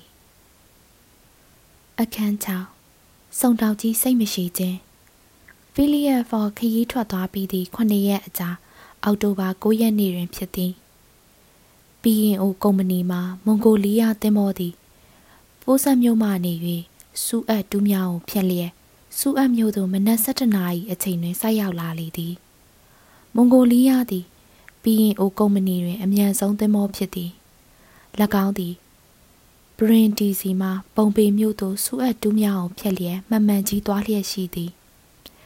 ဤလန်းသည်ဥရောပမှအိန္ဒိယသို့သွားလာရာတွင်လမ်းဟောင်းထက်တဝက်မျှသာတိုးသွားလေသည် လမ်းဟောင်းမှာကိုဟုတ်အငူမှပတ်သွားခြင်းဖြစ်လေသည်စူးအပ်စိတ်ကန်းတွင် အင်္ဂလိပ်လူမျိုးနှစ်ယောက်သည်တင်မောကိုစောင့်ဆိုင်နေသောတင်မောချင်းအလုတ်သမားများနှင့်ခီးသည်များအကြားတွင်လမ်းလျှောက်လျက်ရှိသည်တယောက်မှာစူအပ်မျိုးရှိအင်္ဂလိပ်ကောင်စစ်ဝင်ဖြစ်သည်သူသည်နေ့စဉ်ပင်စူအပ်တူးများကိုဖြတ်သွားသည်အင်္ဂလိပ်သင်္ဘောများတွေ့ရသည်သူ့ယုံသည်သင်္ဘောစိုက်ကပ်ရာနှင့်မဝေးပါပြီနောက်တစ်ယောက်ကလူပိန်ပိန်တဲ့လူတစ်ယောက်ဖြစ်သည် သူသည်စိုးရိမ်တော့ကနဲ့မျက်မှောင်ကျုပ်ကလူလာခောက်ပြန်ရှောက်နေလေသည်သူ့နာမည်မှာ fake ဖြစ်သည်မစ္စတာဖစ်သည်အင်္ဂလန်ပြည်ဘန်ကိုးမှုကြီးနာကိုတကိုးလွတ်မြောက်မပြေးစေရန်တင်မောစိတ်ကြီးများသို့လွှတ်ထားသောအင်္ဂလိပ်စုံတောက်များအနက်တယောက်အပါအဝင်ဖြစ်သည်ခီးတဲ့တူးတယောက်ကိုတင်ကာနဲ့မကင်းလျင်မစ္စတာဖစ်သည်ဖန်ဝရန်မရမချင်းနောက်ရောက်ခံလိုက်ခဲ့နေရပါသည် လွန်ခဲ့သည့်နေ့ရက်ကမစ္စတာဖစ်တန်သို့အလိုရှိသောလူ၏ပုံမှန်ကိုပေးပို့ခဲ့သည်သူကယခုအခါမွန်ဂိုလီးယားတင်မောကိုစိတ်မရှိစွာနဲ့စောင့်ဆိုင်းလျက်ရှိသည်တင်မောဆိုင်ဖို့တိတ်မလိုတော့ဘူးနော်မစ္စတာဖက်ကဆယ်ကြိမ်မြောက်အဖြစ်မေးလိုက်သည်ဟုတ်တယ်မစ္စတာဖက်တိတ်မလိုတော့ပါဘူးတင်မောဟာမနေ့ကပိုးဆက်မှရှိရဲ့တူးမြောင်းရဲ့မိုင်60ခီကိုတင်မောဟာမြ мян ကြီးဖြတ်လာမှာပါဒီတင်မောဟာစုငွေ25ပေါင်တော့လက်လွတ်မခံဘူး အဲ့ဒီစုငွေဟာနေ့စဉ်နေ့တိုင်းစောစောပိုရောက်တဲ့အချိန်အတွက်ပေးတာပဲကောင်စစ်ဝင်ကပြန်ပြောလေသည်မွန်ဂိုလီးယားဟာဘရင်ဒီစီကတက်ဓာတ်ရိုက်လာတာလားဟုတ်တယ်အဲ့ဒီမှာအိန္ဒိယပိုးမဲ့စားတွေတင်ပြီးစနေနေ့ညနေ9နာရီထွက်လာတာပဲဒါကြောင့်တိတ်မကြနိုင်ပါဘူးဒါပေမဲ့ခမားပုံတန်ရထားတဲ့လူဟာတင်မောပေါ်ပါလာတဲ့အတိုင်းခြေရကောက်နိုင်မှာမလားသူဟာကျုပ်သဘောမှာတော့လူရိုးတယောက်ပဲ အထက်တန်းစားတခိုးတွေဟာအမြဲတမ်းလူရိုးတွေလို့ထင်ရတယ်တခိုးရုပ်ပေါက်နေတဲ့လူတွေကတော့အထူးသတိထားလောက်ကြရတာပေါ့ဒါကြောင့်မို့အပန်းခံကြရမှာအမြင်ရိုးတဲ့လူဆိုးတွေကိုကျွန်တော်တို့ကဖောက်ထွင်းမြင်နိုင်မှုပဲလိုတယ်။ဒါအခက်ခဲဆုံးအလုပ်တစ်ခုပဲ။စုံတောင်းလုပ်ငန်းဆိုတာစာအုပ်ကြီးတိုင်းမဟုတ်တော့ဘူး။အမှုပညာတည်းဖြစ်နေပြီ။ခမည်းကအတော်ခက်ခဲတဲ့အလုပ်တစ်ခုကိုထမ်းဆောင်နေရပါပဲ။ဒါပေမဲ့အောင်မြင်ပါစေလို့ကျုပ်ကဆုတောင်းပါတယ်။ ဘာလို့လဲဆိုတော့ခုဟာအေယာမကုန်းမှုကြီးပဲအမှန်ပါပဲဗျာပေါင်9500တော့အခုခံရပြီးစုငွေရပေါင်2000ပြီးတော့ပြန်ရငွေတဲ့ဟာ900ခိုင်တော့လဲရအောင်မယ်ဒီလိုခွင့်ရမျိုးဟာခဏခဏရတာမဟုတ်ဘူးတကယ်လို့တကူဟာမွန်ဂိုလီးယားပေါ်မှာသာပါလာခဲ့မယ်ဆိုရင်ကျွန်တော်လက်ကလွတ်နိုင်ဖို့ခရင်ပါတယ်ထိုအချိန်၌မွန်ဂိုလီးယားစိုက်ကပ်ရန်နီးကပ်လာပြီးဖြစ်၍ ကုံသည်များတင်မောသားများနှင့်အတူကူလီများသည်လှုပ်လှုပ်ရွရွဖြစ်လာကြသည်စူအပ်မြို့သည်နေရောင်တွင်တောက်ပလျက်ရှိသည်တင်မောစိတ်ကန်သည်ဂိုင်းနှထောင်ခန့်ဖြန့်လျက်ရှိလေသည်တန်ငါလီများနှင့်ကံရိုးရန်ရင်များသည်ပင်လယ်နီရေပြင်မော်တွင်မြင်တွေ့ရသည်ရာစုနှစ်ပေါင်းညောင်းနေပြီဖြစ်သောရှေးဟောင်းလှကြီးများကိုလည်းတွေ့ရသည်စိတ်ကန်းနာရီသည်ဆယ်နာရီခွဲလေသည်ဖះရီ ဒီသင်းမောဘယ်တော့များမှလာမှာပါလေဖိတ်ကစိတ်မရှိစွာနဲ့ပြောသည်ဒီသင်းမောဒီမှာဘလောက်ကြာမှလဲ၄နာရီကောင်းစစ်ဝင်ကပြောသည်ကြောင်မီးသွေးတင်ချိန်ကောင်းကောင်းရတာပေါ့ဒီကနေအေဒင်မြို့ကိုမိုင်1300ဝေးတယ်ဒါကြောင့်ထင်းမီလုံလုံလောက်လောက်တင်သွားရမယ်ဤသို့ပြောပြီးနောက်ကောင်းစစ်ဝင်သည်ကတ်နေသောသူယုံတဲသို့ပြန်သွားလေသည်တင်မောအုပ်ဩတန်ကိုကြားရသည် မကြခင်မှာပင်တင်မောကြီးတစင်းသည်တူးမြောင်းကန်းနှစ်ဖက်ကြားမှာညှင်သာစွာနှင့်ရှော့ဆင်းနေသည်ကိုတွေ့ရသည်၁၇နာရီတိတိတွင်တင်မောသည်စိတ်ကန်းရည်ပြင်း၌ကြောက်ချလိုက်သည်သည်တင်မောပေါ်တွင်ခရီးသည်များတော်တော်များများပါလာပုံရသည်တချို့သည်ကုန်းဘတ်ပေါ်တွင်ပင်ရှိနေပြီးမျိုးရီရှုကင်းကိုငေးမြော်ကြည့်နေကြသည်တချို့ကမူတင်မောဘေးသို့လာနေသောလှေကလေးများဖြင့်စိတ်ကန်းသို့ကူးလာခဲ့ကြသည် မစ္စတာဖစ်စောင့်ကြည့်နေစဉ်ကမ်းပေါ်သို့တက်လာသောခီးသည်များအနက်မှလူတယောက်သည်စုညံစွာအလုတ်ခေါ်နေသောကူလီများတိုးဝေ၍သူ့ထံသို့လာနေသည်လက်ထဲတွင်နိုင်ငံကူးလက်မှတ်တစ်ခုကိုကင်ထားသည်သူကရင်ကျေးစွာဖြင့်ကောင်စစ်ဝင်ရုံမေးလေသည်ဖစ်ကနိုင်ငံကူးလက်မှတ်ကိုယူ၍လျင်မြန်စွာဖတ်ကြည့်လိုက်သည်သူ့လက်များသည်ဤသို့ဖတ်ရှုနေစဉ်တုံနေသည်အเจ้าမှာခီးသည်ပုံမှန်တရံသည် သူတည်င်းရထားသောတကိုးနှင့်ပုံမှန်မှာတထက်တဲတတရာရဲဖြစ်နေသည်ဒါခမည်းဟာမဟုတ်ဘူးဟုတ်လားကျွန်တော်ဆရာရဲ့ဟာပါသူကတင်းမောပေါ်မှာနေရေးခဲ့တယ်ကောင်ဆဲဝင်ရုံးစီကိုသူကိုယ်တိုင်သွားရလိမ့်မယ်သူ့ရဲ့တက်တေကန်အမှတ်သားတွေပြဖို့ပဲရုံးကဟော်ရီမှာနီးနီးလေးပဲဒီလိုဆိုရင်ကျွန်တော်ပြန်ပြီးဆရာကိုခေါ်ခဲ့ပါမယ်ဒါပေမဲ့ तू ကကမ်းပေါ်မတက်ချင်ဘူး ဤသို့ပြောပြီးနောက်သူသည်ကျေးဇူးတင်ကြောင်းပြောအားတင်မောပေါ်သို့ပြန်သွားလေသည်အခန်းခုနှစ်ရဲအတွက်နိုင်ငံကူးလက်မှတ်အသုံးမဝင်ခြင်းစုံတောက်ကြီးသည်ကောင်စစ်ဝင်ရုံးသို့သွား၍ကောင်စစ်ဝင်အားအမြန်တွေ့လိုကြောင်းပြောလေသည်ကျွန်တော်ရှာနေတဲ့လူတော်မွန်ဂိုလီးယားပေါ်မှာပါနေပြီဆိုတာအတော်ကြီးကိုခိုင်လုံနေပြီထို့နောက်သူသည်နိုင်ငံကူးလက်မှတ်အကြောင်းပြောပြလေသည်ဒီမဲ့မစ္စတာဖစ် သူဟာတကိုးဖြစ်ရင်တော့ကြုံယုံကိုလာမှာမဟုတ်ဘူးသူဟာ ခြေရလက်ရထားခဲ့မှာလည်း မဟုတ်ဘူး ပြီးတော့သူဟာ ဒီလိုဖြစ်သွားယုံတင်ဆိုရင်တော့ ပြင်ဝင်လက်မှတ်လေးယူဖို့မလိုပါဘူး သူလာပါလိမ့်မယ်သူဟာ ကျွန်တော်ထင်တဲ့ လူစားမျိုးဆိုရင်လေ နိုင်ငံကူးလက်မှတ်တွေဟာအတုံးတစ်ခုပဲ ရပါတယ် လူကောင်းတွေအတွက်နှောက်ယှက်ဖြစ်ပြီး လူဆိုးတွေအတွက် အကူအညီပဲ သူ့ရဲ့ နိုင်ငံကူးလက်မှတ်ဟာ အားလုံးမှန်ကန်နိုင်ပါလိမ့်မယ် ဒါပေမဲ့ကျွန်တော်လိုလားတာသူ့ကိုပြင်ဝင်ခွင့်လက်မှတ်မပေးပါနဲ့နော်ဘာလို့လဲသူ့ရဲ့နိုင်ငံကူးလက်မှတ်ကမှန်နေရင်တော့ကျုပ်ကဘယ်ငင်းနေနိုင်မှာတော့ဒါပေမဲ့ဗျာကျွန်တော်ဟာဒီလိုဒီမှာတနည်းနည်းနဲ့တော့တားထားရလိမ့်မယ်လန်ဒန်ကဝရန်ကိုစောင့်နေတော့မှာပေါ့ဒါကခမားလုပ်ပဲမစ္စတာဖစ်ဒါပေမဲ့ကျုပ်ပြည်ဝင်လက်မှတ်ကိုတော့ဘယ်မပေးပဲထားလို့ဖြစ်ပါမလဲထိုစဉ်တကားခောက်တန်ကြရသည်ရုံးစီရလူနှစ်ယောက်ကိုခေါ်လာသည် တယောက်ကစုံတောက်ကြီးသည်ချက်ချင်းမှတ်မိသည်ထိုသူဟာသူနဲ့စကားပြောခဲ့သူဖြစ်သည်သူနဲ့အတူလိုက်ပါလာသူဟာသူ့ဆရာဖြစ်သည်ဆရာသည်နိုင်ငံကူးလက်မှတ်ကိုကောင်စစ်ဝင်အားပေး၍ပြည်ဝင်ခွင့်လက်မှတ်ကိုတောင်းခံလေသည်ကောင်စစ်ဝင်သည်နိုင်ငံကူးလက်မှတ်ကိုယူ၍အတွင်း၌ပါသောအသေးစိတ်အချက်လက်များကိုစစ်စစ်ဆက်ဆက်နှင့်ကြည့်နေသည်ဤအချိန်တွင်ဖစ်ကလူစိမ်းဟာအခန်းတောင်းမှနေ၍ကြည့်နေသည်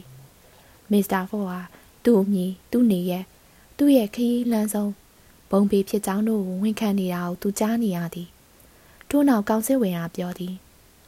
အခုအခါမှာပြည်ဝင်လက်မှတ်မလိုတော့ဘူးဒီမှာဆိုရင်ခီးသည်တွေကိုနိုင်ငံကူးလက်မှတ်အပြမခိုင်းတော့ဘူးဒါကိုကျွန်တော်နားလဲပါတယ်ဒါမဲ့ကျွန်တော်ကခမားရဲ့ပြည်ဝင်ခွင့်လက်မှတ်ကိုတောင်းနေတာဟာကျွန်တော်စုအပ်ကိုဖျက်သွားကြအောင်တက်တည်ပြကြင်လို့ပါမစ္စတာဖော့ကပြန်ပြောလေသည်ကောင်းပြီလေဤတို့ပြောပြီးသည်နောက်ကောင်စစ်ဝင်သည် နိုင်ငံကူးလက်မှတ်ပေါ်တွင်လက်မှတ်ရေးထိုးကနေဆွဲကိုတက်လိုက်သည်ပြီးတော့ရုံးတစိတ်ကိုရိုက်နှိပ်ပေးလေသည်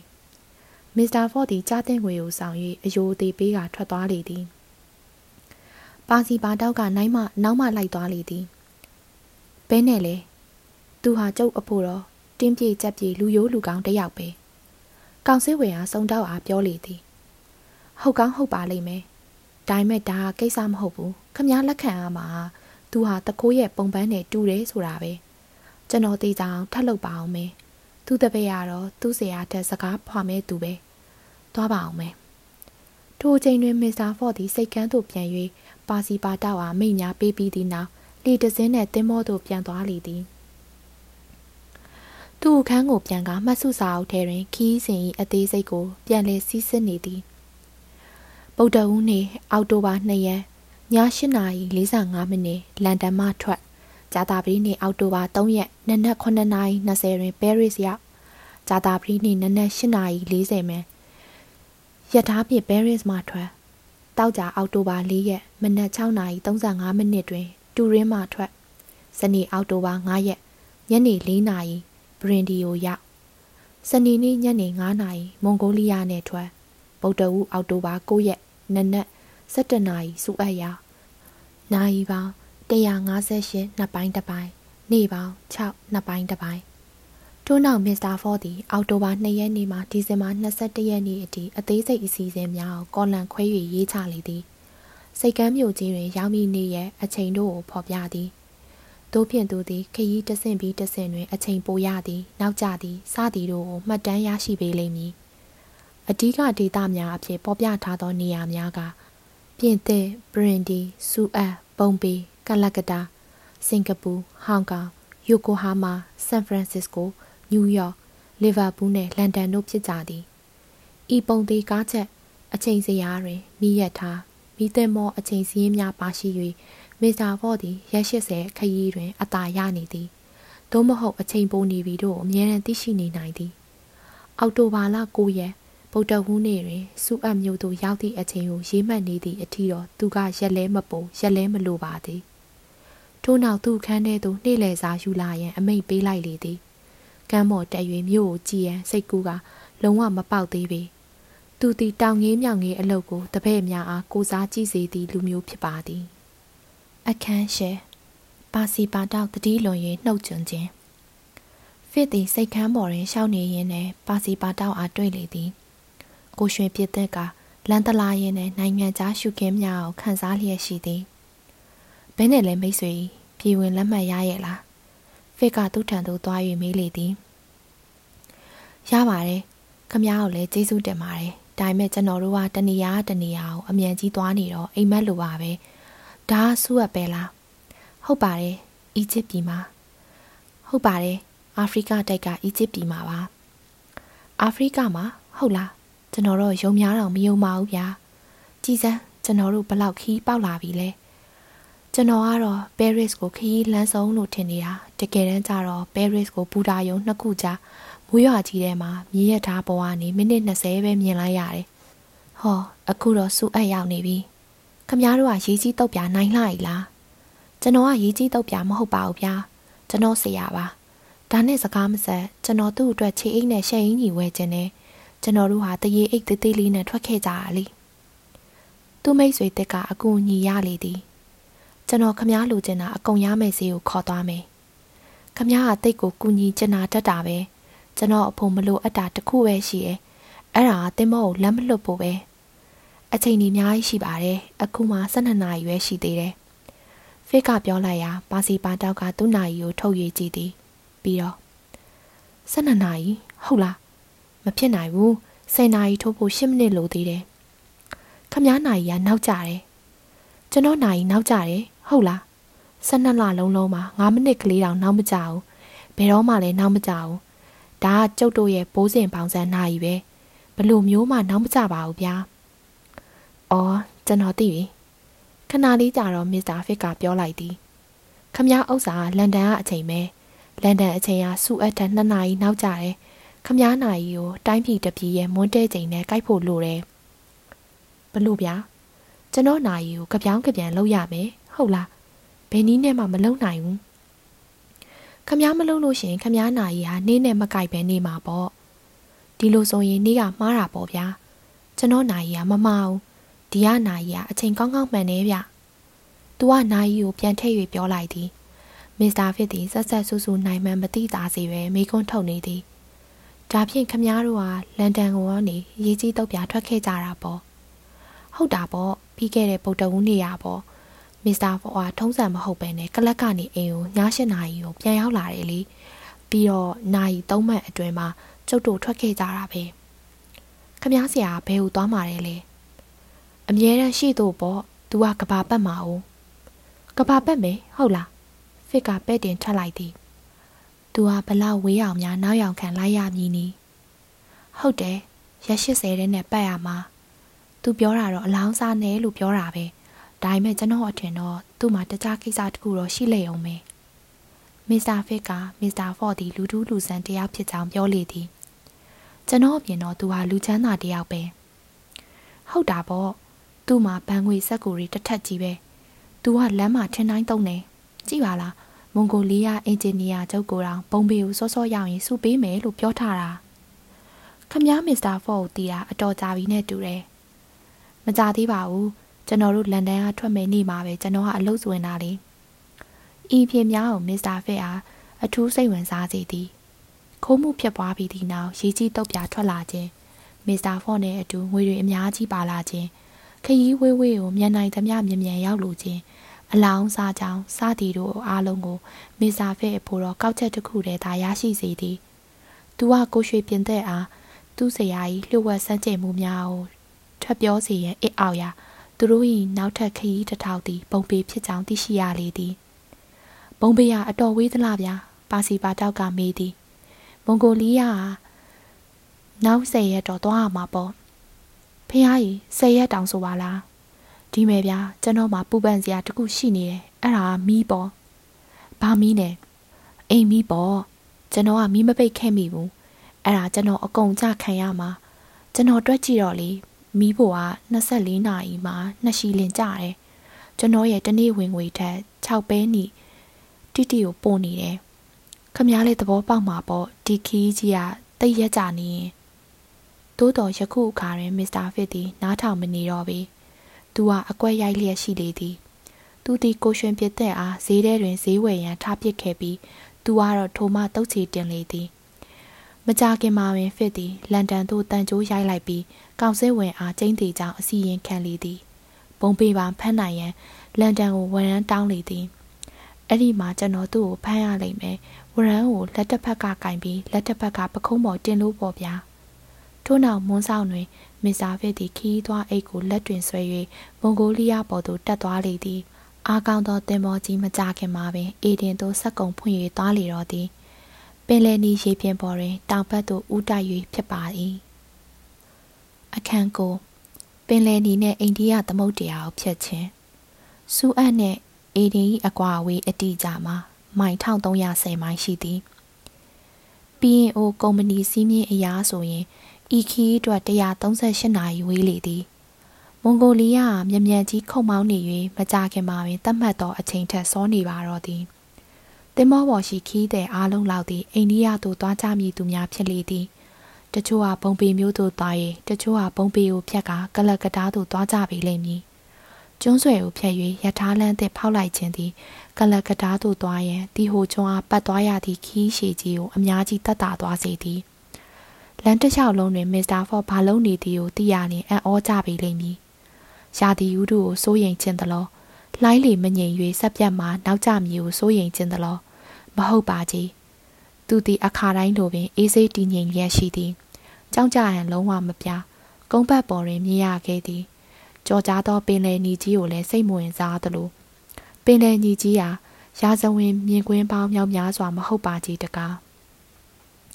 တင်မောကအပင်မြလူးလိမ့်ပါစေသူကလှိုင်းမမှုပါသူကနှိမ့်စဉ်ထမင်းလေးနက်ကိုသာခရင်တွေ့၍ရှိပါသည်ထမင်းမစားခင်အတွဲမှ၌ဝက်ဖဲကစားသည်သူ့လိုပင်ဖဲဝါသနာတန်သူခီးတဲ့သုံးဦးကိုတွေ့ရှိထားလေသည်ပါစီပါတောက်သည်လည်းလှိုင်းလေမမှုပါကြီးသူ့ဆရာနဲ့အတူအချိန်မမှန်ကြီးစားတောက်နေနိုင်သူဖြစ်သည်သူလည်းယခုအခါအတော်ပင်ဘဝင်ခွေလျက်ရှိလေသည် သူတို့ခေရီးသည်ပုံပေတွင်ပြီးဆုံးလိမ့်မည်ဟုသူအားကောင်းကောင်းတွက်ဆထားလေသည်ဤတွင်တွင်သူအားစားကောင်းတောက်ကောင်းအိတ်ကောင်းနဲ့မြင်တွေ့သမျှတို့စိတ်ဝင်စားလျက်ရှိလေသည်စူအပ်မှထွက်ခဲ့ပြီးနောက်တနေ့တွင် ပါစီပါတောက်သည်သူမြင်ပူးတီးပူးသောလူတစ်ယောက်ကိုကုန်းဖက်ပေါ်တွင်တွေ့ရလေသည်ချက်ချင်းပင်သူအားဈေးလိုက်ပို့သောသူမှန်ကိုသိရသည်သူတို့သည်တယောက်နာမည်တယောက်ပြောဆိုပြီးသောအခါအိန္ဒိယအကြောင်းပြောကြလေတော့သည် အိန္ဒိယမှာဖျားเจ้าတွေပလီတွေဘုံကြီးတွေကြားတွေမွေတွေကကြေတဲ့တွေရှိတယ်ဒါတွေအားလုံးတွေ့ရအောင်ခမကြကြနေရလိမ့်မယ်နဲ့တူတယ်မစ္စတာဖစ်ကပြောသည်ကျွန်တော်ကတော့အဲ့လိုပဲထင်တာပဲမျောလင်းတာပဲမစ္စတာဖစ်ရဲ့ဘယ်လူကောင်းတယောက်မှဟိုသင်းမောကနေဒီရထားကူလိုက်မလုံနေနိုင်ပါဘူးဒီလိုလုံနေလို့ဘာတိတ်ပဲမှလည်းမရှိဘူးဒီဝရုံသုံးကားတွေအားလုံးဟာပုံပေကြရင်တော့ နေတီတန်ပါလိမ့်မယ်သိကြပါတယ်ခမားစီကနေကောင်းရဲ့လားကုန်းဖက်ပုံမှာလည်းတခါမှမတွေ့ဘူးနေကောင်းပါတယ်သူဟာဘာကိုမှကြည်ကျင်ရှုကျင်တာမဟုတ်ဘူးလေဒီရက်80အတွင်းမှာကဘာပတ်တယ်ဆိုတာတခြားလျှို့ဝှက်တဲ့လုပ်ငန်းတစ်ခုခုကိုဖုံးကွယ်ထားတာလို့ခမားထင်လားကျွန်တော်တော့ဘာမှမသိဘူးမစ္စတာဖစ်အမှန်ပြောရရင်တော့သိလည်းမသိကြဘူးတို့ဖြင့်ဖစ်နဲ့ပါစီပါတောက်တို့၏စကားလက်ဆောင်ကြားခြင်းပေါင်းများစွာအနက် ဤပရမအကျင့်သည်ဤနည်းဖြင့်ပြီးဆုံးခဲ့လေသည်ကိုရွှေပြင်သစ်ကမူမစ္စတာဖစ်သည်ပေါင်းလူတင်းလူကောင်းသောလူကောင်းတရားလိုတွက်လိုက်လေသည်ဤစဉ်တွင်တင်းမောဟာမှန်မှန်ကြီးတိုးသွားလျက်ရှိသည်အောက်တိုဘာ23ရက်နေ့တွင်မိုးချမြို့မှာကော်ဖီဂျန်များကြား၌မြို့ရိုးဟောင်းကြီးကိုမြင်တွေ့ရလေသည်နောက်တနေ့ညတွင်သူတို့သည်ဘက်ဘဲမန်တက်ရေလက်အကြားကိုရောက်သွားလေသည် 14ရက်နေ့တွင်တင်မော်သည်ကြောင်မီသွေးဖြည့်တင်းရန်အေဒင်မြို့သို့စိုက်ကပ်လေသည်မိမိတိုင်းပြည်စိတ်ကမ်းမှာဤမြဝေးကွာသောဒေသတွင်တင်မော်များထင်းမိဖြစ်ရခြင်းသည်များစွာအရေးပါလေသည် PNO ကုမ္ပဏီတစ်ခုတည်းပင်လျင်တစ်နှစ်ကိုပေါင်8000ကုန်ကြလေသည်ကြောင်မီသွေးမထွက်သောစိတ်ကမ်းအသီးသီး၌ကြောင်မီသွေးများလှောင်ထားရလေသည်ထိုစဉ်ကကြောင်မီသွေးသည်တတန်လျင်၄ပေါင်နှုန်းဖြစ်သည် မွန်ဂိုလီးယားသည်ပုံပေသို့ရအောင်နောက်ထပ်မိုင်1650ခုံမောင်းရပေဦးမည်။ကြောင်မီသွေးလုံလုံလောက်လောက်တင်ရန်အချိန်၄နာရီများကြာလေသည်။ဤသို့ကြာ၍မစ္စတာဖော်၏ခရီးစဉ်ကိုမထိကြိုက်ပေ။သူကထဲ့တွက်ပြီးသားဖြစ်သည်။၎င်းပြင်တင်မောသည်အေတင်သို့14ရက်နေ့ညနေတွင်ရောက်ရှိပြီး15ရက်နေ့မနက်တွင်မှပြန်ထွက်ရပေလိမ့်မည်။မစ္စတာဖော်ကသူ၏မှတ်စုစာအုပ်ထဲတွင်15နာရီအသာရနေသည်ကိုထည့်ရေးထားလိုက်သည် အေဒင်တွင်မစ္စတာဖော့နှင့်သူ့တပည့်တို့သည်ကမ်းမော်တက်ကြလေသည်နိုင်ငံကူးလက်မှတ်တွင်တစိမ့်ခတ်နှရန်ဖြစ်သည်မစ္စတာဖစ်ကတိတ်တဆိတ်နောက်ရောက်ခံလိုက်သွားသည်ပြည်ဝင်လက်မှတ်ရလျင်ရခြင်းမစ္စတာဖော့သည်တင်မောပေါ်သို့ပြန်၍ဖြတ်ထားခဲ့သောဖဲဝိုင်းတွင်ပြန်ထိုင်လေသည်ပါစီပါတောက်သည်အေဒင်မျိုးသားများဖြစ်ကြသော အာရက်များဆိုမာလီများယဟူဒီများဖာရစီများနှင့်ဥရောပတိုက်သားများကြားတွင်လမ်းသလားလျက်ရှိသည် နောက်ပိုင်းတွင်သူသည်ကြောက်တောင်ပေါ်ရှိရေလောင်ကန်များကိုချီးမွမ်းအမခံဖြစ်ရလေသည်၎င်းရေလောင်ကန်များကိုလွန်ခဲ့သည့်နှစ်ပေါင်း2000ဟာဘီယင်ဆော်လမွန်စတင်တည်ထောင်ခဲ့ပြီးသည့်နောက်ယခုတက်တိုင် British အင်ဂျင်နီယာများဆက်လက်လုပ်ကိုင်နေရှိသည်တိတ်ကိုစိတ်ဝင်စားဖို့ကောင်းတာပဲပါစီပါတောက်ကသူ့ကိုယ်သူပြော၍တင်မောပေါ်ကိုပြန်သွားလေသည်อืมခရီးသွားတယ်ဆိုတာအသက်အဆန်းတစ်ခုခုကိုကြည့်ဖို့ရှုဖို့ပဲ 6နာရီအချိန်တွင် မွန်ဂိုလီးယားသည်ခရီးဆက်ပြန်ပြီးမကြာခင်မှာပင်အိန္ဒိယသမုဒ္ဒရာပြင်ပေါ်၌စက်ကုံဖွင့်လျက်ရှိသည်အေဒင်နှင့်ပုံပေကို168နာရီနှင့်အရောက်သွားရမည်ဖြစ်သည်လှိုင်းလျာအစဉ်သင့်လေသည်ခီးရဖြောင်ပြူသည်ပါစီပါတောက်သည့်အခြေအနေအရသူနှင့်တီကျွမ်းရန်ဖန်တီးလိုက်သောရဲဘော်ကြီးနှင့်ပေါင်းတင်ဆက်ဆံနေရသည်ကိုနှစ်ချိုင်နေလေသည်အောက်တိုဘာ20ရက်နေ့ တနင်္ဂနွေနေ့မွန်းတဲ့ချိန်တွင်အိန္ဒိယကမ်းရိုးတန်းကိုမြင်ရလေသည်နောက်နှစ်နာရီကြာသောအခါတင်မောပေါ်သို့ရေချောင်းပြရောက်ရှိလာသည်မိုးကုတ်ဆောက်ဝိုင်းစီတွင်ကတောင်တန်းများသည်မိုးကောင်းကင်ကိုနောက်ခံပြူလျက်ပုံပေမျိုးမြင်ကွင်းကိုရောက်သောအခါပေါင်ကုတ်ပေးလျက်ရှိလေသည်ရေချောင်းပြသည်တင်မောကိုစာစီတီကိုလာပါအလီဖင်တာ ပတ်ချာကျုံးများကြားမှခေါ်ဆောင်သွားပြီး၄နာရီခွဲအချိန်တွင် ပုံပေစိတ်ကန်းသို့ရောက်ရှိသွားလေသည်ဖီလီယာဖော်သည်ထိုချိန်တွင် ထိုနေ့အဖို့33ကြိမ်မြောက်ပွဲကိုအစားတက်နေလေသည်သူနှင့်ပါတနာသည်ဖဲ73တွဲစလုံးကိုရရှိ၍ဖြောင်ပြူးသောခီးကိုဆလန်မာလီကျွန်း၌ပြီးဆုံးသွားလေသည်မွန်ဂိုလီးယားသည် ပုံပေသို့အောက်တိုဘာ22ရက်နေ့တွင်မှရောက်ရမည်ဖြစ်လေသည် 20ရက်နေ့တွင် ရောက်ရှိသဖြင့်2ရက်အသာရလေသည်ဖီလီယက်ဖောကဤအသာကိုသူ့စာအုပ်တွင်ရေးမှတ်ထားလေသည်အခန်း30ပါစီပါတောက်ဖနှက်ဆုံးခြင်းပုံပေနှင့်ကလကတာသည်တပြောင်တပြေးတည်းဆိုရင်မိုင်1100ထက်မပိုပါကြီးသို့တော်ယထာလန့်သည်မြင်းပြောင်မဟုတ်ပါပေယထာလန့်သည်မြောက်ဖက်သို့အလားဟာဘတ်အထိထောင်တွက်သွား၍ခရီးကိုသုံးချိုးတချိုးခန့်ပိုး၍ဝေးစေပါသည် ခရီးသည်များမွန်ဂိုလီးယားမှ၄နာရီခွဲတွင်ဆင်း၍ကာလာကတာယထာည၈နာရီတွင်ထွက်ပေမည်ယထာသည်ပုံပေကျုံးမှနေ၍စာဆက်တီကိုဖြတ်ကာအနောက်ဘက်ကတ်ကိုတက်ကအရှိမြောက်ဘက်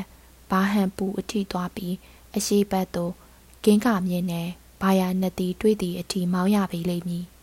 ထိုမှတဆင်စမာနကိုဖြတ်ကာ ၃ရက်အကြာတွင်ကလကတာရောက်သည့်အထိအရှိတောင်ဘက်သို့သွားရပေလိမ့်မည်မစ္စတာဖော့စီပါစီပါတောက်အားဘူရာယုံသူ၈နာရီအရောက်ပြန်လာရန်ပြောလိုက်ပြီးပုံပေမျိုးတဲသို့ဈေးဝယ်ရန်လှော့လိုက်လေသည်ပုံပေမျိုး၏အမြင့်အထင်နှင့်အတန်ပလန်များကိုမစ္စတာဖော့အားကြောခိုက်နေသည်သူကနိုင်ငံကူးလက်မှတ်ယုံသူတချိုးရဲသွားလေသည်မြို့တော်ခမ်းမှာပြတိုင်းတင်မောချင်းဝါခွန်းတိုင်ဈေးများ ဗလီများကျောင်းဆောင်များဖျားရှိခိုးကြောင်များအင်လီဖင်တာပပုများဗုဒ္ဓအစအဦးများစာဆက်တီကျွန်းမှခုများစသောအရာအလုံးသည်သူ့ဖို့ဘာမှမဟုတ်ပါပေနိုင်ငံကူးလက်မှတ်ရုံမှထွက်လာပြီးသည့်နောက်မစ္စတာဖော့သည်ဘူရာယုံထမင်းဆိုင်ထဲသို့ဝင်၍ညစာမလေးသည်ထိုအချိန်တွင်မစ္စတာဖစ်သည်ပုံပေပလိတ်ဌာနချုပ်သို့ခြေတုတ်ချေတင်၍ပြေးလေသည် သူဘသူဘဝဖြစ်ကြောင်းပြောပြကလန်ဒန်မှဝရန်ရောက်မရောက်ကိုမေးလေသည်ဝရန်ကမရောက်သေးချေတပန်သူဟာပုံပေပလိတ်အဖွဲ့အား၎င်းတို့အနေနဲ့ဝရန်ထုတ်ပေးရန်ပြောလေသည်တို့ရရင်ညင်းကြလေသည်အင်္ဂလိပ်ရဲရသာလန်ဒန်သားတယောက်ကိုဖမ်းနိုင်ခွင့်ပေးနိုင်လေသည်ဥပဒေကိုတင်းတင်းကြပ်ကြပ်လိုက်နာရပေမည်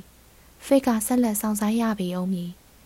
ဤအတွင်းတွင် သူကတခုအပို၍ထက်ချက်မခွာရှိရပေလိမ့်မည်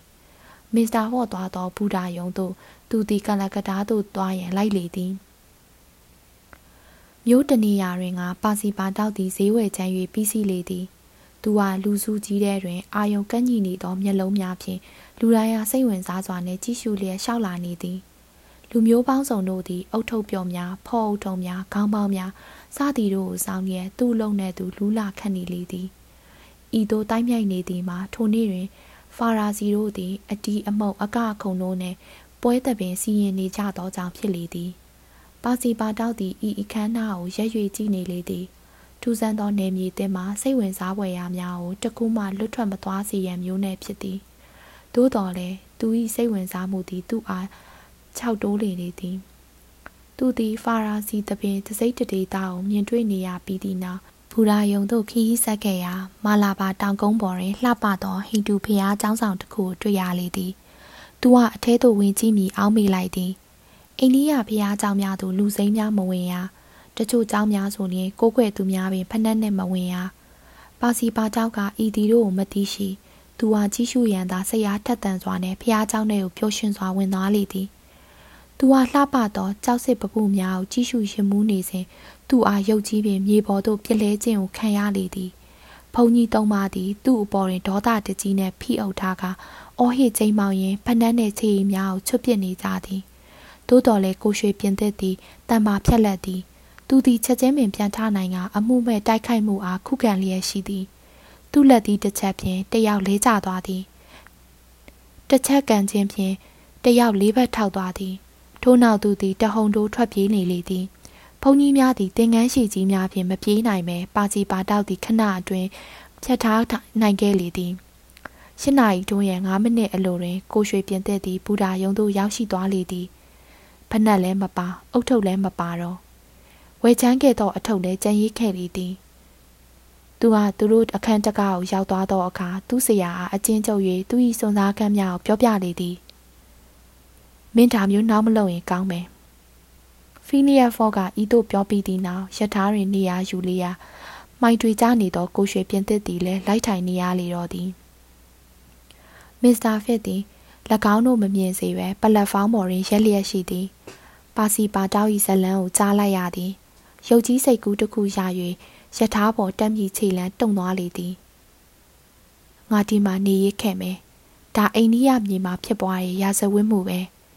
ငါသူ့ကိုရပြီ မိရတာအုပ်အောဆွဲတန်ဆူးရှစွာထွက်ပေါ်လာလေသည်လူတင်ပြည့်ကျက်နေသောယထာသည်ဖြည်းဖြည်းချင်းအိန္ဒိယပြည်ညအမောင်သို့ခုံမောင်းသွားလေတော့သည်အခန်းဆက်တင်ငွေကိုရေလိုသုံးခြင်းကာလကန်တားယထာသည်ပြည့်ကျက်လျက်ရှိသည်ယထာပေါ်တွင်စစ်သားများအစိုးရအမှုတန်းများမဆလာနှင့်မဲနေကုံများ၎င်းပြင်လူပေါင်းများစွာသည် အရှိရက်သို့အယောင်းဝယ်နေသော၎င်းကိုရီကိုတာကိစ္စနှင့်သော၎င်းတော့ကြလေသည်မစ္စတာဖွန်နှင့်တခန်းနှင့်ခီးသည်မှာဆာဖရန်စစ်ခရိုမာတီဖြစ်သည်သူသည်စူအပ်မှပုံပေသို့အလာခီးတွင်ဝက်ကစားဘက်ဖြစ်သည်သူသည်ယခုအခါဘာယာနတိရှိသူ၏တရင်သို့ပြန်ခြင်းဖြစ်လေသည်ဆာဖရန်စစ်သည်အသက်50ခန်းရှိပြီးလူပိန်ပိန်ပပတယောက်ဖြစ်သည် သူသည်ပုံမှုချုပ်တယောက်ဖြစ်သည် သူသည်အိန္ဒိယသို့ငငယ်ကလေးရာရောက်ရှိပြီးအင်္ဂလန်သို့ခဏတဖြုတ်ပြန်တည်ရလွယ်၍တခြားလုံးနေထိုင်ခဲ့သည်ဆာဖရန်စစ်သည်အိန္ဒိယတွင်အနေများ၍၎င်းလူမျိုးတို့၏ထုံတန်းတလီနှင့်ရာဇဝင်ကိုအတော်ကြီးသိရှိနေလေသည်အကယ်၍သာမစ္စတာဖောဟာတည်လိုလျင်သူသည်ဖျားเจ้าကိစ္စကိုကောင်းစွာဖြေရှင်းနိုင်ခဲ့ပေလိမ့်မည်သို့တော်လည်းဤအချိန်တွင်မစ္စတာဖောသည် သူအိမ်ကထွက်လာပြီးသည့်နောက်တွင်ကုံဆုံးခဲ့သောနာယီများကိုသာစိတ်ထဲတွင်တစ်ချိန်ပြန်ပေါင်းကြည့်နေပြီးအဖြေကိုကျေနပ်နေလျက်ရှိသည်ဤချိန်တွင်ယထာသည်အနောက်ဘက်က၏မတ်ဆောက်သောလမ်းကိုတက်လျက်ရှိသည်ယထာလမ်းဖောက်လို့ရာတွင် တွေ့ရသောအင်ဂျင်နီယာများ၏အခက်အခဲတို့ကိုဗိုလ်ချုပ်ကမစ္စတာဖော့အားပြောပြလျက်ရှိသည်ဟိုရင်နှစ်တွေတုန်းကဆိုရင်ယထာလမ်းဟာတောင်ပေါ်မရောက်သေးဘူး အဲ့ဒီတုန်းကဆိုရင်ခမည်းကရှေ့ပူတာတွေကိုမြင်းပူကလေးနဲ့သွားနေရလို့နှောင့်နှေးလိမ့်မယ်ဒီလောက်နှောင့်နှေးရုံနဲ့တော့ကျွန်တော်ရဲ့စီမံကိန်းပြတ်မသွားပါဘူးနှောင့်နှေးမှုတွေရှိမယ်လို့ကျွန်တော်ကတွက်ထားပြီးသားပါပြီးတော့ခမားတပည့်ရဲ့စွန်စားကန်ကတော့ကိုလိုကန်လန်ဖြစ်လိမ့်မယ်ထင်တယ်အစိုးရကဟိန္ဒူဒလိထုံးတန်းကိုလိုက်နာရမှာအရန်တင်းကျပ်တယ်ယထာသည်ညတွင်နာစစ်ကိုဖြတ်ကာ နောက်တနေ့မနက်အောက်တိုဘာ22ရက်နေ့ကျတော့ကွင်းပြင်ကျဲကြီးကိုဖြတ်ကာမောဒဝတီမျက်စီသို့ခုံမောင်းလျက်ရှိသည်နေကင်းတွင်ပါစီပါတောက်သည်ရှုခင်းမြောက်ကြည့်ရှုနေသည်အိန္ဒိယကိုမိရထားနှင့်ဖြတ်နေရသည်မှာစိတ်ကူးရင်တလို့ဖြစ်တော်လဲအမှန်တော့တကယ်ပင်ဖြစ်သည်နေ့လေကင်းတွင်ရထားသည်ဘာဟန်ပူ၌စိုက်လေသည်ထိုတွင်ကိုရွှေပြင်တဲ့ကအိန္ဒိယဖနက်တရံကိုဝယ်ယူနိုင်ခဲ့လေသည် ယထာသည်ပုံမဝေးသောအရက်သို့ရောက်သောအခါပါစီပါတောက်သည်စွန်စားလူစိမ်းများတဖွာဖွာပေါ်ထွက်လာသည်သူသည်သူ့ဆရာ၏ခရီးကိုအရေးတယူရှိလာပြီးနောက်နေကြံ့ကြာမှုများကိုစိုးရင်ကြောင်းကြလာတော့သည်တနေ့လုံးပင်ရထားသည်ကြားပူတာများ၌ရက်လေတိုင်းသူကချိန်ဆလေသည်နောက်တနေ့မနက်အောက်တိုဘာ22ရက်နေ့တွင် ပါစီပါတောက်အိယာမှနိုးသောအခါတွင် သူသည်နာယီကိုထုတ်ယူကြည့်လိုက်ပြီး၃နာရီဟုမှတ်ထားလိုက်သည် သူ့နာယီကယခုထက်တိုင်းဂရင်းနှင့်စံတော်ချိန်ကိုပြလျက်ရှိသည်ဂရင်းနှင့်မြင်းကြောင်သည်ယခုအခါတွင်ခီးသွားတို့၏အနောက်ဘက်89ဒီဂရီတွင်သာရှိကနာယီကတိတ်နောက်ကျနေခြင်းဖြစ်သည်ဆာဖရန်စစ်ကပါစီပါတာဟာအချိန်မှန်ကိုပြင်ပေးသည်9နာရီဖြစ်သည်၎င်းတို့သည်အရှိတ်ဘက်သို့သွားသောအခါတွင်1ဒီဂရီလွန်တိုင်းနေတာသည်4မိနစ်နောက်ကျသွားကြောင်းကိုလည်းပြောပြသည်သို့တော်ဤရှင်းချက်သည်ကျွဲပါဆောင်တည်တာဖြစ်ကြသည် သူနာယီကိုရှေ့သို့ရွှေ့၍ပါစီပါတောက်ကညင်းဆန်လေသည်သူနာယီသည်အမြဲတမ်းအချိန်မှန်သည်ဟုပြောသည်မနက်၈နာရီတွင်ရထားသည် အလုသမားတဲများအနီး၌ရက်လေသည်ပြောင်းချပြောင်းချဟုအော်တန်ကိုလည်းကြားရသည်ဖီလီယက်ဖော့ကဆန်ဖရန်စစ်အားကြည့်လိုက်ခါတော်အုပ်အလဲတွင်ယထာရက်နေသည်ကိုအံ့ဩနေကြောင်းတွေ့ရလေသည်ပါစီပါတောက်ကလည်းအလားတူအံ့ဩလျက်ရှိသည် သူသည်အောက်သို့ဆင်းသွားပြီးနောက်ချက်ချင်းလိုပင်ပြန်လာကပရင်းပေါက်မှអော်လိုက်သည်ဆရာယထာလန်းဆုံးနေပြီဆာဖရက်စစ်ကချက်ချင်းဆင်းလိုက်သည်မစ္စတာဖော့လည်းဆင်းသည်သို့တော်လည်းချက်ချင်းတက်တာဖြစ်သည်သူတို့ကဂတ်ပိုကိုမေးကြည့်ပြန်သည်ဒီမှာရက်တယ်လမ်းပြီးသေးဘူးမပြီးသေးဘူးဟုတ်လားတည်င်းစာထဲမှာယထာကကလကတာကိုတောက်လျှောက်ပြေးနေပြီဆိုမစ္စတာဖော့ကပြောလိုက်သည် မပြီးသေးတဲ့အပိုင်းကမိုင်90လောက်ရှိသေးတယ်ဒီကနေအာလာဟကတ်အထိပေါ့အဲ့ဒီကနေမှတခါရထားဆက်သွားတယ်ဆာဖရန်စစ်ကတော့ပွားလျက်ရှိသည်ဒါပေမဲ့ခမားတို့ဘုံပေရနေကလကတာကိုလက်မှတ်ရောင်းထားတာလားဟုတ်ပါတယ်ဒါပေမဲ့ခီးတယ်တွေဟာဒီကနေအလာဟကတ်ကိုကိုယ့်ဘာနဲ့ကိုသွားကြရပါတယ်ဆာဖရန်စစ်ကကျွဲမိတိုးလှပြီးပါစီပါတောက်ကမူကပ်ဖို့အားထိုးကြိတ်တော့မလို့ဖြစ်နေသည် မစ္စတာဖော့ကအေးဆေးစွာပြောသည်ကျွန်တော်တို့တနည်းနည်းနဲ့အာလာဟကတ်ကိုသွားကြရမှာပဲဆာဖရန်စစ်ဆာဖရန်စစ်ကသူတက်နိုင်သည်ကိုလှုပ်ရန်အသင့်ရှိသည်ဒီနောင်နေမှုဟာခမားခီးစဉ်ကိုကမောက်ကမဖြစ်မှာဆိုတာပါမစ္စတာဖော့ရဲ့ကိစ္စမရှိပါဘူးအနောက်ရှက်ရှိနိုင်တယ်ဆိုတာကျွန်တော်သိပါတယ်ကျွန်တော်မှရပ်ပုံနှစ်ရက်ရှိပါသေးတယ်25ရက်နေ့မွန်းတဲ့မှာကလကတားကနေဟောင်ကောင်ကိုထွက်မဲ့သင်္ဘောတစ်စင်းရှိရဲ ကျွန်တော်တို့အဲ့ဒီသင်္ဘောကိုမှီဖို့ချိန်သေးပါတယ်ရထားလမ်းပြတ်တောက်နေကြောင်းခီးတဲ့တော်တော်များများသိရှိကြလေသည်၎င်းတို့သည်ကာလာဟာကတ်ကိုမိုင်90ခီးအတွက်ရရလှဲနွားမြင်းတို့ငှားကြလေသည်မစ္စတာဖော့အတွက်ဘာမှမကြံတော့ချေကုန်းကြောင်းလျှောက်သွားမယ်ဟုသူကပြောလိုက်သည်ဤခီဤချိန်တွင် ပါစီပါတောက်သည်သူတို့ထံလာနေသည်ကျွန်တော်တခုတော့တွေးလာပြီဆရာဘာလဲစင်ဒီနာကကလားတယောက်ပိုင်နေ စင်ကိုသွားကြည့်ရအောင်မစ္စတာဖော့ကပြောလိုက်သည်ရှေ့ရသွား9မိနစ်အကြာတွင်သူတို့သည်တဝက်တစ်ပြက်များသာရှင်သောစင်ထီးကြီးကီယူနီကိုတွေ့ရသည်ဤစင်သည်တိတ်မရင်လင့်ကစားမနာမနေခီးရှည်သွားနိုင်မိမည်ဖီလီယက်ဖော်ကဆင်ကိုသုံးရန်ဆုံးဖြတ်လိုက်သည်သို့တော်ဆင်များသည်တံမိုးကြီးသောတရဝါများဖြစ်ကြသည်ပိုင်ရှင်များကအင်မတန်တံမိုးထားသည်ကလားသည်တနာရီလျင်ငှားကတပေါင်နှစ်ပေါင်လေးပေါင်ပေးသည့်တိုင်မငါ ပါစီပါတောက်ကတစ်ကြိမ်တိုးပေးလေတိုင်းတခါထကုံမတက်ဖြစ်သည်အเจ้าမှာအနည်းဆုံး15နာရီခန့်သွားရမည်ခီးဖြစ်သောကြောင့်ဖြစ်သည်နောက်ဆုံးတွင်မစ္စတာဖော့ကပေါင်တထောင်နဲ့ဝယ်ရန်ပြောသည် ကလားကမရဟုဆိုလေသည်ဖီလီယက်ဖော့ကပေါင်200တိုးပေးသည်နောက်ပေါင်900နောက်800နောက်ဆုံးတွင်2000ပေးလေသည်ပါစီပါတောက်ကစကားပြန်မပြောနိုင်တော့ပေပေါင်2000ကြတော့မှကလားကလျှော့ပေးလေသည် မစ္စတာဖော့ဟာစင်ကိုရလေသည်သိုးတိုင်လဲလမ်းပြတယောက်ကလူနေသေးသည် လူငယ်တယောက်ကလမ်းပြလုံမြည်ဟုဆိုသည်မစ္စတာဖော့ဟာထူလူအားငှား၍အာလာဟာကတ်ကိုမြန်မြန်ရအောင်ပို့နိုင်လျင်အင်မတန်အစမတန်ပေးမည်ဟုပြောသည်လမ်းပြဟာကျွမ်းကျင်သောစင်ဦးစီးတယောက်ဖြစ်သည်စင်ကိုအဝဲတထဲခြုံလိုက်ပြီးစင်ပေါင်ကားတစ်ခုကိုတင်လိုက်လေသည်မစ္စတာဖော့ကဆာဖရက်ဆက်အားအတူလိုက်ပါရန်ခေါ်သည် လူတယောက်အတွက်နဲ့ဤတတဝကြီးကမဖြုံပါပြီအစာရည်စားများတင်ပြီးသည့်နောက်စင်ဦးစီးသည်ကီယူနီကုတ်ကိုတက်စီးလိုက်သည်9နာရီအချိန်တွင် သူတို့သည် အာလာဟာကတ်ကိုတော်လန်ခီးမှသွားကြလေတော့သည်အခန်းဆက်နှင့်ထူးဆန်းသောအရာများကိုတွေ့ရခြင်းလမ်းပြသည့်ဒေတာကိုကျွမ်းကျင်၍ဖြန့်လန်းကိုလာရန်ဆုံးဖြတ်လေသည်စင်ရခတ်တသက်ကလေးသွား၍ခီးသည်များခလောက်ဆန်နေသည် သို့တော်လည်းဆန်ဖရန်စစ်နှင့်မစ္စတာဖော့သည်စိတ်မရှိမှုကိုဗြိတိရှားတို့၏လိလူရှုမှုဖြင့်ချမ်းချမ်းခံနိုင်လေသည်ပါစီပါတောက်ကသူ့ဆရာအကြံပေးထား၍တက်လန်းလုံးပင်ရှာနဲ့သွားမကြိတ်မိစေရန်ဂီးယူထားရလေသည်သူသည်စောင်းမိတိုက်မိသည့်ကြားမှာကတောင်းကနင်းနိုင်မှုကိုရည်ရလေသေးသည်ထို့နောက်သူသည်အိတ်ထဲမှတကြားခဲကိုထုတ်လိုက်သည်အကင်းပါသောကီဦးနီသည်တောထဲတွင်ခတ်သက်သက်သွားနေရင်ဖြင့်တကြားခဲကိုနှမောင်းဖြင့်ယူလိုက်လေသည် နှစ်နာရီခန့်ကြာသောအခါလမ်းပြသည်နားလေသည်ကီဦးနီအားရေအိုင်တွင်ရေတိုက်ကတိရွက်တစ်ခတ်များဖြင့်အစာကျွေးလေသည်ဆာဖရန်စစ်မောမောပန်းပန်းငိမ့်ငိမ့်စိမ့်စိမ့်ထိုင်နေချိန်တွင် ပါစီပါတောက်ကအစားအသောက်များအသင့်ပြင်ပြီးလေသည်မစ္စတာဖော့ကအိယာမှနိုးလာတကယ်သို့လှမ်းဆက်နေသည်ကိုတွေ့ရသည်သူဟာတန်ပြင်းလှုပ်ထားလေသလားဟုဆန်ဖရန်စစ်ကတွေးနေမိနေသည် မကြခင်မှာပင်၎င်းတို့သည်ပင်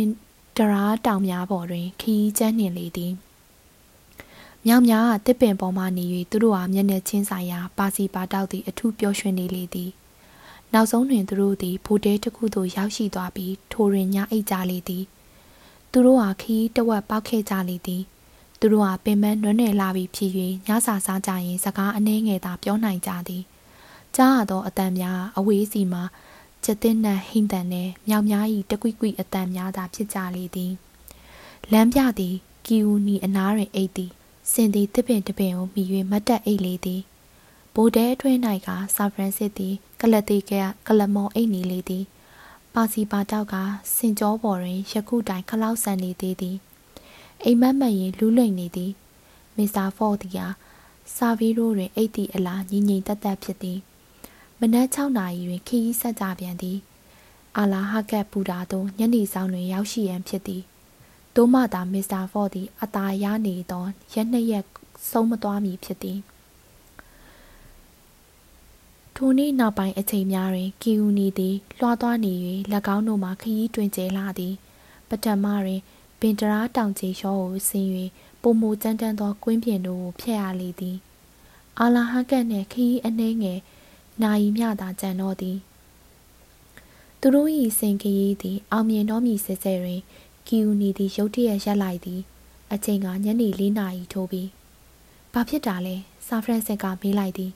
မတိဦးစရာစင်ဦးစီးရပြန်ပြောသည်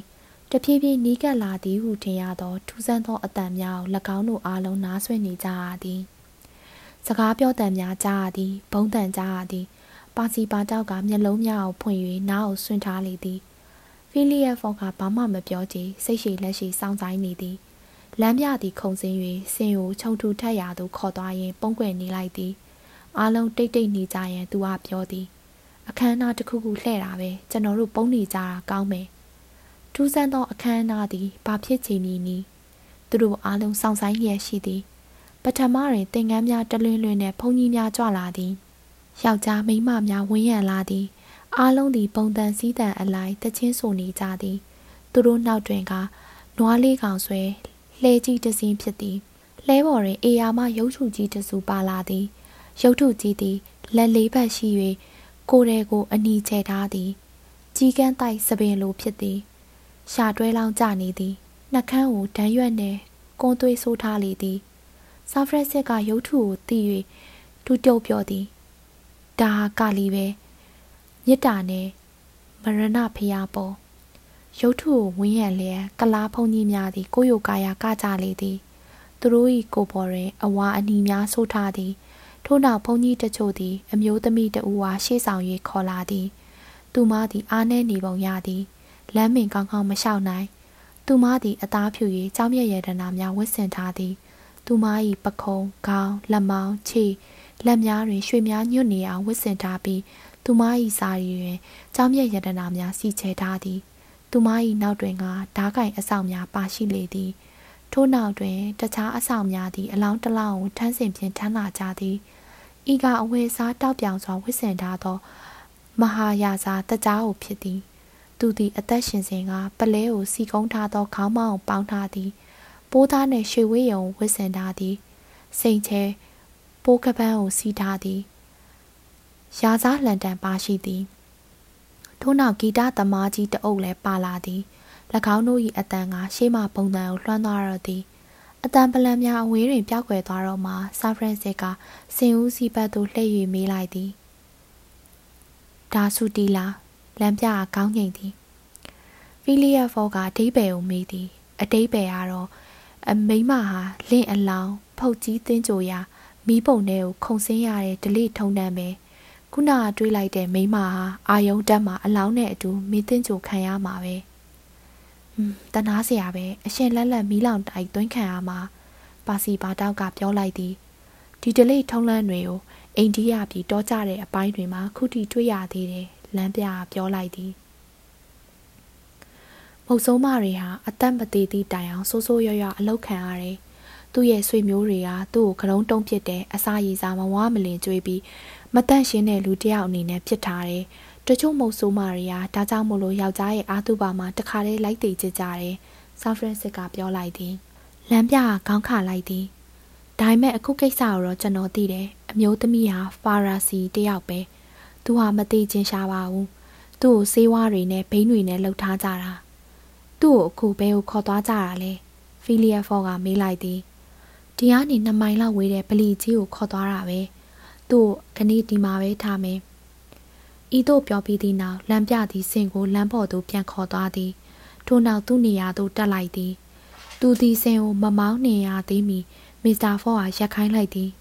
ဒီမျိုးသမီးကိုကျုပ်တို့ကယ်ရရင်ဘယ်နဲ့လဲအမျိုးသမီးကိုကယ်ကြမယ်ဟုတ်လားမစ္စတာဖော့ဆန်ဖရန်စစ်ကအံ့အားသင့်စွာနဲ့ပြောလိုက်သည်။ဘာဖြစ်လို့လဲ။ကျွန်တော်မှအချိန်ပို12နာရီရှိသေးတာပဲ။ ဒါဖြင့်ခမားမှာအသိနှလုံးရှိတယ်လို့ပြောရတော့မှာပေါ့ဗျာ။ဆန်ဖရန်စစ်ကအံ့ဩလိုက်သည်။ကျွန်တော်မှအချိန်ရှိသေးရဲ့ပေါ့ဗျာ။မစ္စတာဖော့ကတည်ငြိမ်စွာနဲ့ပြောလိုက်လေသည်။အခန်း73ပါစီပါတောက်အရေးဆုံးလွန်ခြင်းအရေးဆုံးရမည့်စီမံကိန်းဖြစ်သည်လွယ်ကူသောအလုံးမဟုတ်ပေမစ္စတာဖော့သည်ဒုက္ခနှင့်ကြံ့ကြာမှုကိုရင်ဆိုင်ရပေမည်သို့တော်သူသည်စိတ်တုံးတုံးချပြီးဖြစ်သည်ဆာဖရက်စစ်သည်လည်းမုတ်ဆိုးမှကဲဆယ်ရန်တန်နှိမ့်တန်ချထားပြီးလေသည် ပါစီပါတောက်ကမူဘာမဆိုလုံးရန်အစဉ်သင်းဖြစ်သည်၎င်းတို့လမ်းပြထံထင်မြင်ချက်ကိုတောင်းခံရသည်ကျွန်တော်ကိုလည်းထက်တွက်နိုင်ပါတယ်ဒါပေမဲ့ကျွန်တော်တခုတော့တတိပေးမယ်ကျွန်တော်တို့ဟာမိသွားရင်တော့ကောင်းကောင်းအညှင်းပန်းခံရမယ်အသက်ခံခြင်းနောက်ခံရမယ်ကျုပ်တို့ဆုံးဖြတ်ပြီးသားပါကျုပ်တို့မိုးချုပ်အောင်တော့စောင့်ရလိမ့်မယ်နဲ့တူတယ်မစ္စတာဖော့ကပြောသည်ကျွန်တော်လည်းအဲ့လိုပဲသဘောရတာပဲလမ်းပြပြန်ပြောသည် ထို့နောက်တပံစင်ဦးစီကမုတ်ဆိုးမကလေးကြောင့်သူတီးသမျှပြန်ပြောလေသည်သူမ၏နာမည်မှာဥရာဖြစ်သည်သူမသည်ပုံပေမျိုးမှာကုံသေးကြီးတကူ၏လှပသောသမီးကလေးဖြစ်သည်တတိကြီးသည်သမီးကလေးအားပညာကောင်းမွန်စွာတတ်အောင်သင်ကြားပေးသည်စင်စည်း၍မြင်းရံစေသည်အိမ်အောင်ကောင်းကောင်းချထားပေးလိုက်သည်သူမမိခင်တည်ဆုံးသွားသောအခါတွင်ယခုမဟာယာဇာနှင့် သူမသဘောမတူပဲဖခင်ကအတင်းပေးစားလိုက်ခြင်းဖြစ်သည်လွန်ခဲ့သည့်၃လကမှဖြစ်သည် သူမကတစ်ကြိမ်ထွက်ပြေးသေးသည်သို့တော်ပြန်မိသွားသည်ဤဇန်ကျောင်းသည်မစ္စတာဖောနှင့်သူ၏မိတ်ဆွေများအားတန်တိတ်တန်ပုံမိုခိုင်ပါစေတော့သည်စင်အိုပလီကြီးအနီးသို့ရောက်နိုင်သမျှရအောင်ခေါ်သွားရန်ဆုံးဖြတ်ကြသည်သူတို့သည်တစ်ပင်ကို꿰၍စောင့်ကြနေလိမ့်မည် နိုင်အနှဲငယ်ကြသောကကီယူနီကိုချီနှောင်ထားခဲ့ပြီးခီးသည်လေးယောက်တို့သည်ပလီစီသို့အတန်မကြအောင်ဝှစ်တွားသွားလေသည်မိတို့များ၏အလင်းရောင်ဖြင့်မြေကြီးပေါ်တွင်အိတ်နေသောလူတစုကိုမြင်ရသည်ပလီအပြင်ဘက်တွင်အဆောင်တချို့ရှိသည်အဆောင်အကျက်များချထားကြောင်းထင်ရှားလာပေသည်ခလန်းလန်းတွင် မြေကမ်းပါးပေါ်၌မီးလောင်တိုက်ကိုကရမတ်သားများဖြင့်အစင်သင့်ပြုလုပ်ထားပြီးရေနံစီလောင်းထားသည်ကိုတွေ့ရသည် မီးလောင်တိုက်ပေါ်တွင်မဟာယာဇာ၏အလောင်းကိုတင်ထားသည်ကိုမီးတို့များအယောင်တွင်ကောင်းမြင်ကောင်းစွာတွေ့ရလေသည်တိတ်ဆိတ်စွာနောက်ကျောင်းပြန်ခဲ့ပြီးတဖန်ပလီနောက်သို့သွားကြပြန်သည်ပလီနောက်တွင်ဖြင်းချင်းစွာအဆုံအဆန်ရှောက်နေသောအဆောင်များတွေ့ရသည်ကန်ဆိုးမကလေးအတွင်းတွင်ရှိကြောင်းထင်ရှားသည်သူမကိုအဆောင်ချက်အထက်ထက်ချထားလေသည်အချိန်ကကုံဆုံးနေလေပြီသူတို့ကလေတံဖြင့်ပြောဆိုနေကြသည် အမျိုးသမီးထံရောက်သွားရန်မဖြစ်နိုင်ပါပြီ အဆောက်များအားတိုက်ခိုက်ရန်သူတို့တွင်လူအားနည်းလာသည်မိုးလင်းသွားရင်လည်းကဲနိုင်ရန်အခွင့်အရေးမရှိတော့၎င်းတို့သည်ကြံရမရဖြစ်ကြသည်အိမ်နေသူများအားမြင်သာသောနေရာသို့သွား၍တစ်ပင်အောက်မှထိုင်ကြလေသည်အလကားပဲကျွန်တော်တို့ပြန်ကြမှာပဲဆန်ဖရန်စစ်ကပြောသည်ဟုတ်တယ်ကျွန်တော်တို့ဘာမှမတတ်နိုင်တော့ဘူးလမ်းပြရဆိုသည်စောင့်ပါဦးအာလာကက်ကိုမနှက်ပြန်နှိကင်းထက်စောရောက်ဖို့မလိုပါဘူးမစ္စတာဖော့ကပြောလိုက်သည် အခုပဲမိုးလင်းတော့မှာပဲဆန်ဖရန်စစ်ကပူပန်လျက်ရှိသည်မုတ်ဆိုးမကလေးတင်ရန်ဆဲဆဲတွင်မစ္စတာဖော့ကပြေးကယ်လေးမိလောဟုသူတို့ကတွေးတောနေမိသည်သူကတလောက်တော့မမိုက်တန်ကောင်းပါပြီသူတစီလဲသူတို့အားလုံးကပင်ဤရင်တုံပွဲရာဆက်ကိုအစမှအဆုံးထိမြင်တွေ့လိုကြသည်ဘာစီပါတောက်သည်မှောင်ထဲသို့ဝင်သွားပြီးတစ်ကိုင်းနှိများပေါ်သို့တက်လိုက်သည်သူတွင်အကြံတစ်ခုရှိလေသည် ပထမတော့ဤအကြံသည်မာယူရဲ့ဆန်ချင်းသည်သာဖြစ်သည်ထို့နောက်တွင်ဤနီးတနီးသာဖြစ်နိုင်စရာလမ်းကြောင်းကိုတွေ့ရှိမြင်ရသည်။အိုးဘာလို့မလုပ်ရမှာလဲလူတွေအားလုံးအိတ်ချင်မှုတို့ဖြစ်နေကြမှာပဲသူကိုသူပြောလိုက်သည်။သူကတစ်ပင်နှိမ်ကလေးများကို꿰၍တိတ်တိတ်ဆိတ်သွားလေသည်။ရောင်နီးဆိုးလာသည့်တိုင်မဲမဲမှောင်လျက်ရှိသည်။အိတ်နေသူများထားကြလေသည်။ တချင်းတန်များပုံတန်များပေါ်ထွက်လာပြန်သည်။ဖုတ်ကြီးမင်းသိန်းကြိုရဲ့အချိန်တန်လာသည်။မစ္စတာဗောနှင့်ဆာဖရန်စစ်တို့သည်ပလီတကားပွင့်လာသည်ကိုတွေ့ရသည်စင်ဦးစီးသည်ရှင်မနေပေသည်မုတ်ဆုံးမကလေးအားဘုန်းကြီးများကမြေကမ်းမစီသို့ခေါ်သွားစဉ်သူမ၏မျက်နှာဖြူရောမှုသည်မိတို့များ၏အလင်းရောင်တွင်မြင်ရသည်အဆုံးဖြတ်ကားလာနာသို့ရောက်လာသောအချိန်တွင်ဆာဖရန်စစ်ကမစ္စတာဖော၏လက်ကိုဆွဲကင်လိုက်ရာ သူ့လက်ထဲတွင်တလွတ်တစ်ချောင်းအသင့်ပြင်ထားသည်ကိုတွေ့ရသည်လူအုပ်ကြီးရွေလျားသွားသောအခါတွင်သူတို့လည်းရောပါလိုက်သွားသည်တချင်းတန်များပုံတန်များကျဲတီထက်ကျဲလာသောအခါသူတို့ကရှေ့သို့ရောက်တီထက်ရောက်သွားကြပြီတော့သည်မြေကဘာသို့ရောက်သောအခါလူအုပ်ကြီးသည်ရက်လိုက်သည်တချင်းတန်နှင့်ပုံတန်အားဆက်လက်ထွက်မြဲဖြစ်သည်မုတ်ဆုံးမလေးကိုခန္ဓာကိုမီးလောင်တိုက်တွင် အလောင်းပေး၌ရှင်လျက်လဲလျောင်းနေသည်ကိုတွေ့ရသည် ဤအချိန်တွင်မစ္စတာဖော့သည်မိပုံစီသို့ကမူးရှူတို့ပြေးသွားမည်ဖြစ်ရာဆာဖရန်စင်နှင့်လမ်းပြဆွဲထားရလေသည်သို့တော်လည်းလူအုပ်ကြီးသည်ရုတ်တရက်အလန့်တကြားអော်လိုက်သည်ကြောက်လန့်တကြားဒူးထောက်ချလိုက်သည်အကြားမှာမဟာယာဇာအလောင်းသည်မိဘုံထဲမှထလာသောကြောင့်ဖြစ်သည်သူသည်ကုန်း၍မုတ်ဆိုးမလေးကိုပွေလိုက်သည်ထို့နောက်မိခိုးများကြားမှာသူမကိုကဲထုတ်၍ဖုန်ကြီးများနှင့်လူအုပ်ကြီးများကြားမှာတုတ်ချေတင်လေသည် ထိုတံသည်မေဆာဖော့အနီးသို့ရောက်သောအခါတွင်တွားကြစို့ဟုပြောလိုက်သည်ပါစီပါထောက်ဖြစ်လေသည် သူသည်မိခိုးများနှင့်အမှောင်များကြားမှနေ၍မုတ်ဆိုးမလေးကိုတုတ်လာခြင်းဖြစ်သည်ပါစီပါတောက်သည်သူမကိုလူအုပ်ကြီးထဲမှဆွဲထုတ်လာနိုင်ရန်ရဲတင်းလွန်းလာပေသည်သူနောက်မှမစ္စတာဖွာခတ်တုတ်တုတ်လိုက်ပါသွားသည်ခဏကြာတွင်သူတို့သည်စင်ကြီးစီသို့ရောက်ပြီးကဲတင်လာသည်အားစင်နဲ့တင်၍ပြေးကြလေသည် သူတို့နောက်မှလိုက်လံဖမ်းဆီးရန်စ조사ကြသူများ၏ဒေါပွားတံများအောင်ကြားရသည်တို့ရာတွင်ကီယူနီယမြန်ဆန်လာ၍မကြခင်မှာပင်မြားနှင့်ကြီးစံမမီရာသို့ရောက်ရှိသွားကြလေသည်ဦးရာသည်လူစိမ်းများကြားဝယ်ရောက်နေသည်ကိုတွေ့ရသောအခါအလွန်အမင်းအံ့ဩသင့်နေကြသည်အဖြစ်အပျက်ကိုသဘောပေါက်သောအခါသူမကကျေးဇူးတင်မဆုံးရှိသည်သို့တော်လည်းသူမနောက်ထပ်အတော်လေးကြာအောင်ဘိန်းမှုနေ၍မိနေပြန်သည် အာလာဟကတ်ရောက်သောအခါသူမအားဥရောပအဝိစားများဝစ်ဆင်ပေး၍ရုပ်ဖြတ်လိုက်သည်ယခုအခါသူမသည်ကာလကတာယထာပေါ်တွင်ဘေးကင်းလျက်ရှိသည်မင်းသိတော်တယ်ပါစီပါတောယထာပေါ်အတက်တွင်သူ့ဆရာပြောလိုက်ခြင်းဖြစ်သည်ဤကသူ့လိုလူတယောက်ထံမှအထူးကြီးကျွန်းလိုက်ခြင်းဖြစ်သည်ပါစီပါတောက်ကရှက်သွားပြီးမပြောပလောက်ပါဘူးဟုပြန်ပြောလိုက်သည်မစ္စတာဖော့ဟာဆင်ကိုလမ်းပြအားရရောစွာပေးလိုက်သည်ဆရာကျွန်တော်ကိုမဆလိုက်တာပဲ ခမားကျေစုကျုပ်တို့မှာအများကြီးရှိပါတယ်မစ္စတာဖော့ကပြောလိုက်သည်ကီယိုနီယာအင်မတန်ကောင်းပြီးရဲရဲနဲ့တရဝါကြီးပဲသူ့ကိုမိတ်ဆွေလိုအောင်းမေပါပါစီပါတောက်ကဤတို့ပြောပြီးနောက်စင်ကြီးရှိရာသို့သွားကနှုတ်ဆက်သည့်အနေနဲ့တကြားခဲကျွေးလေသည်စင်ကြီးကသဘောခွေလာ၍သူ့ခါကိုနှမောင်းနဲ့ရှစ်ပတ်လိုက်ပြီးအထက်သို့မြောက်နိုင်သမျှမြောက်လိုက်သည်မြေကြီးပေါ်သို့ပြန်ရောက်ပြီးသောအခါတွင်ပါစီပါတောက်သည်စင်ကြီးအားပုတ်လိုက်သည် သည်သူတို့သည်မခွဲခွာမိ၌စင်ဦးစီးအားလမ်းပြပေးရာတွင်၎င်းဦးရာကုညီကယ်ဆယ်ရာတွင်၎င်းကျေးဇူးတင်ကြောင်းပြောကြလေတော်သည်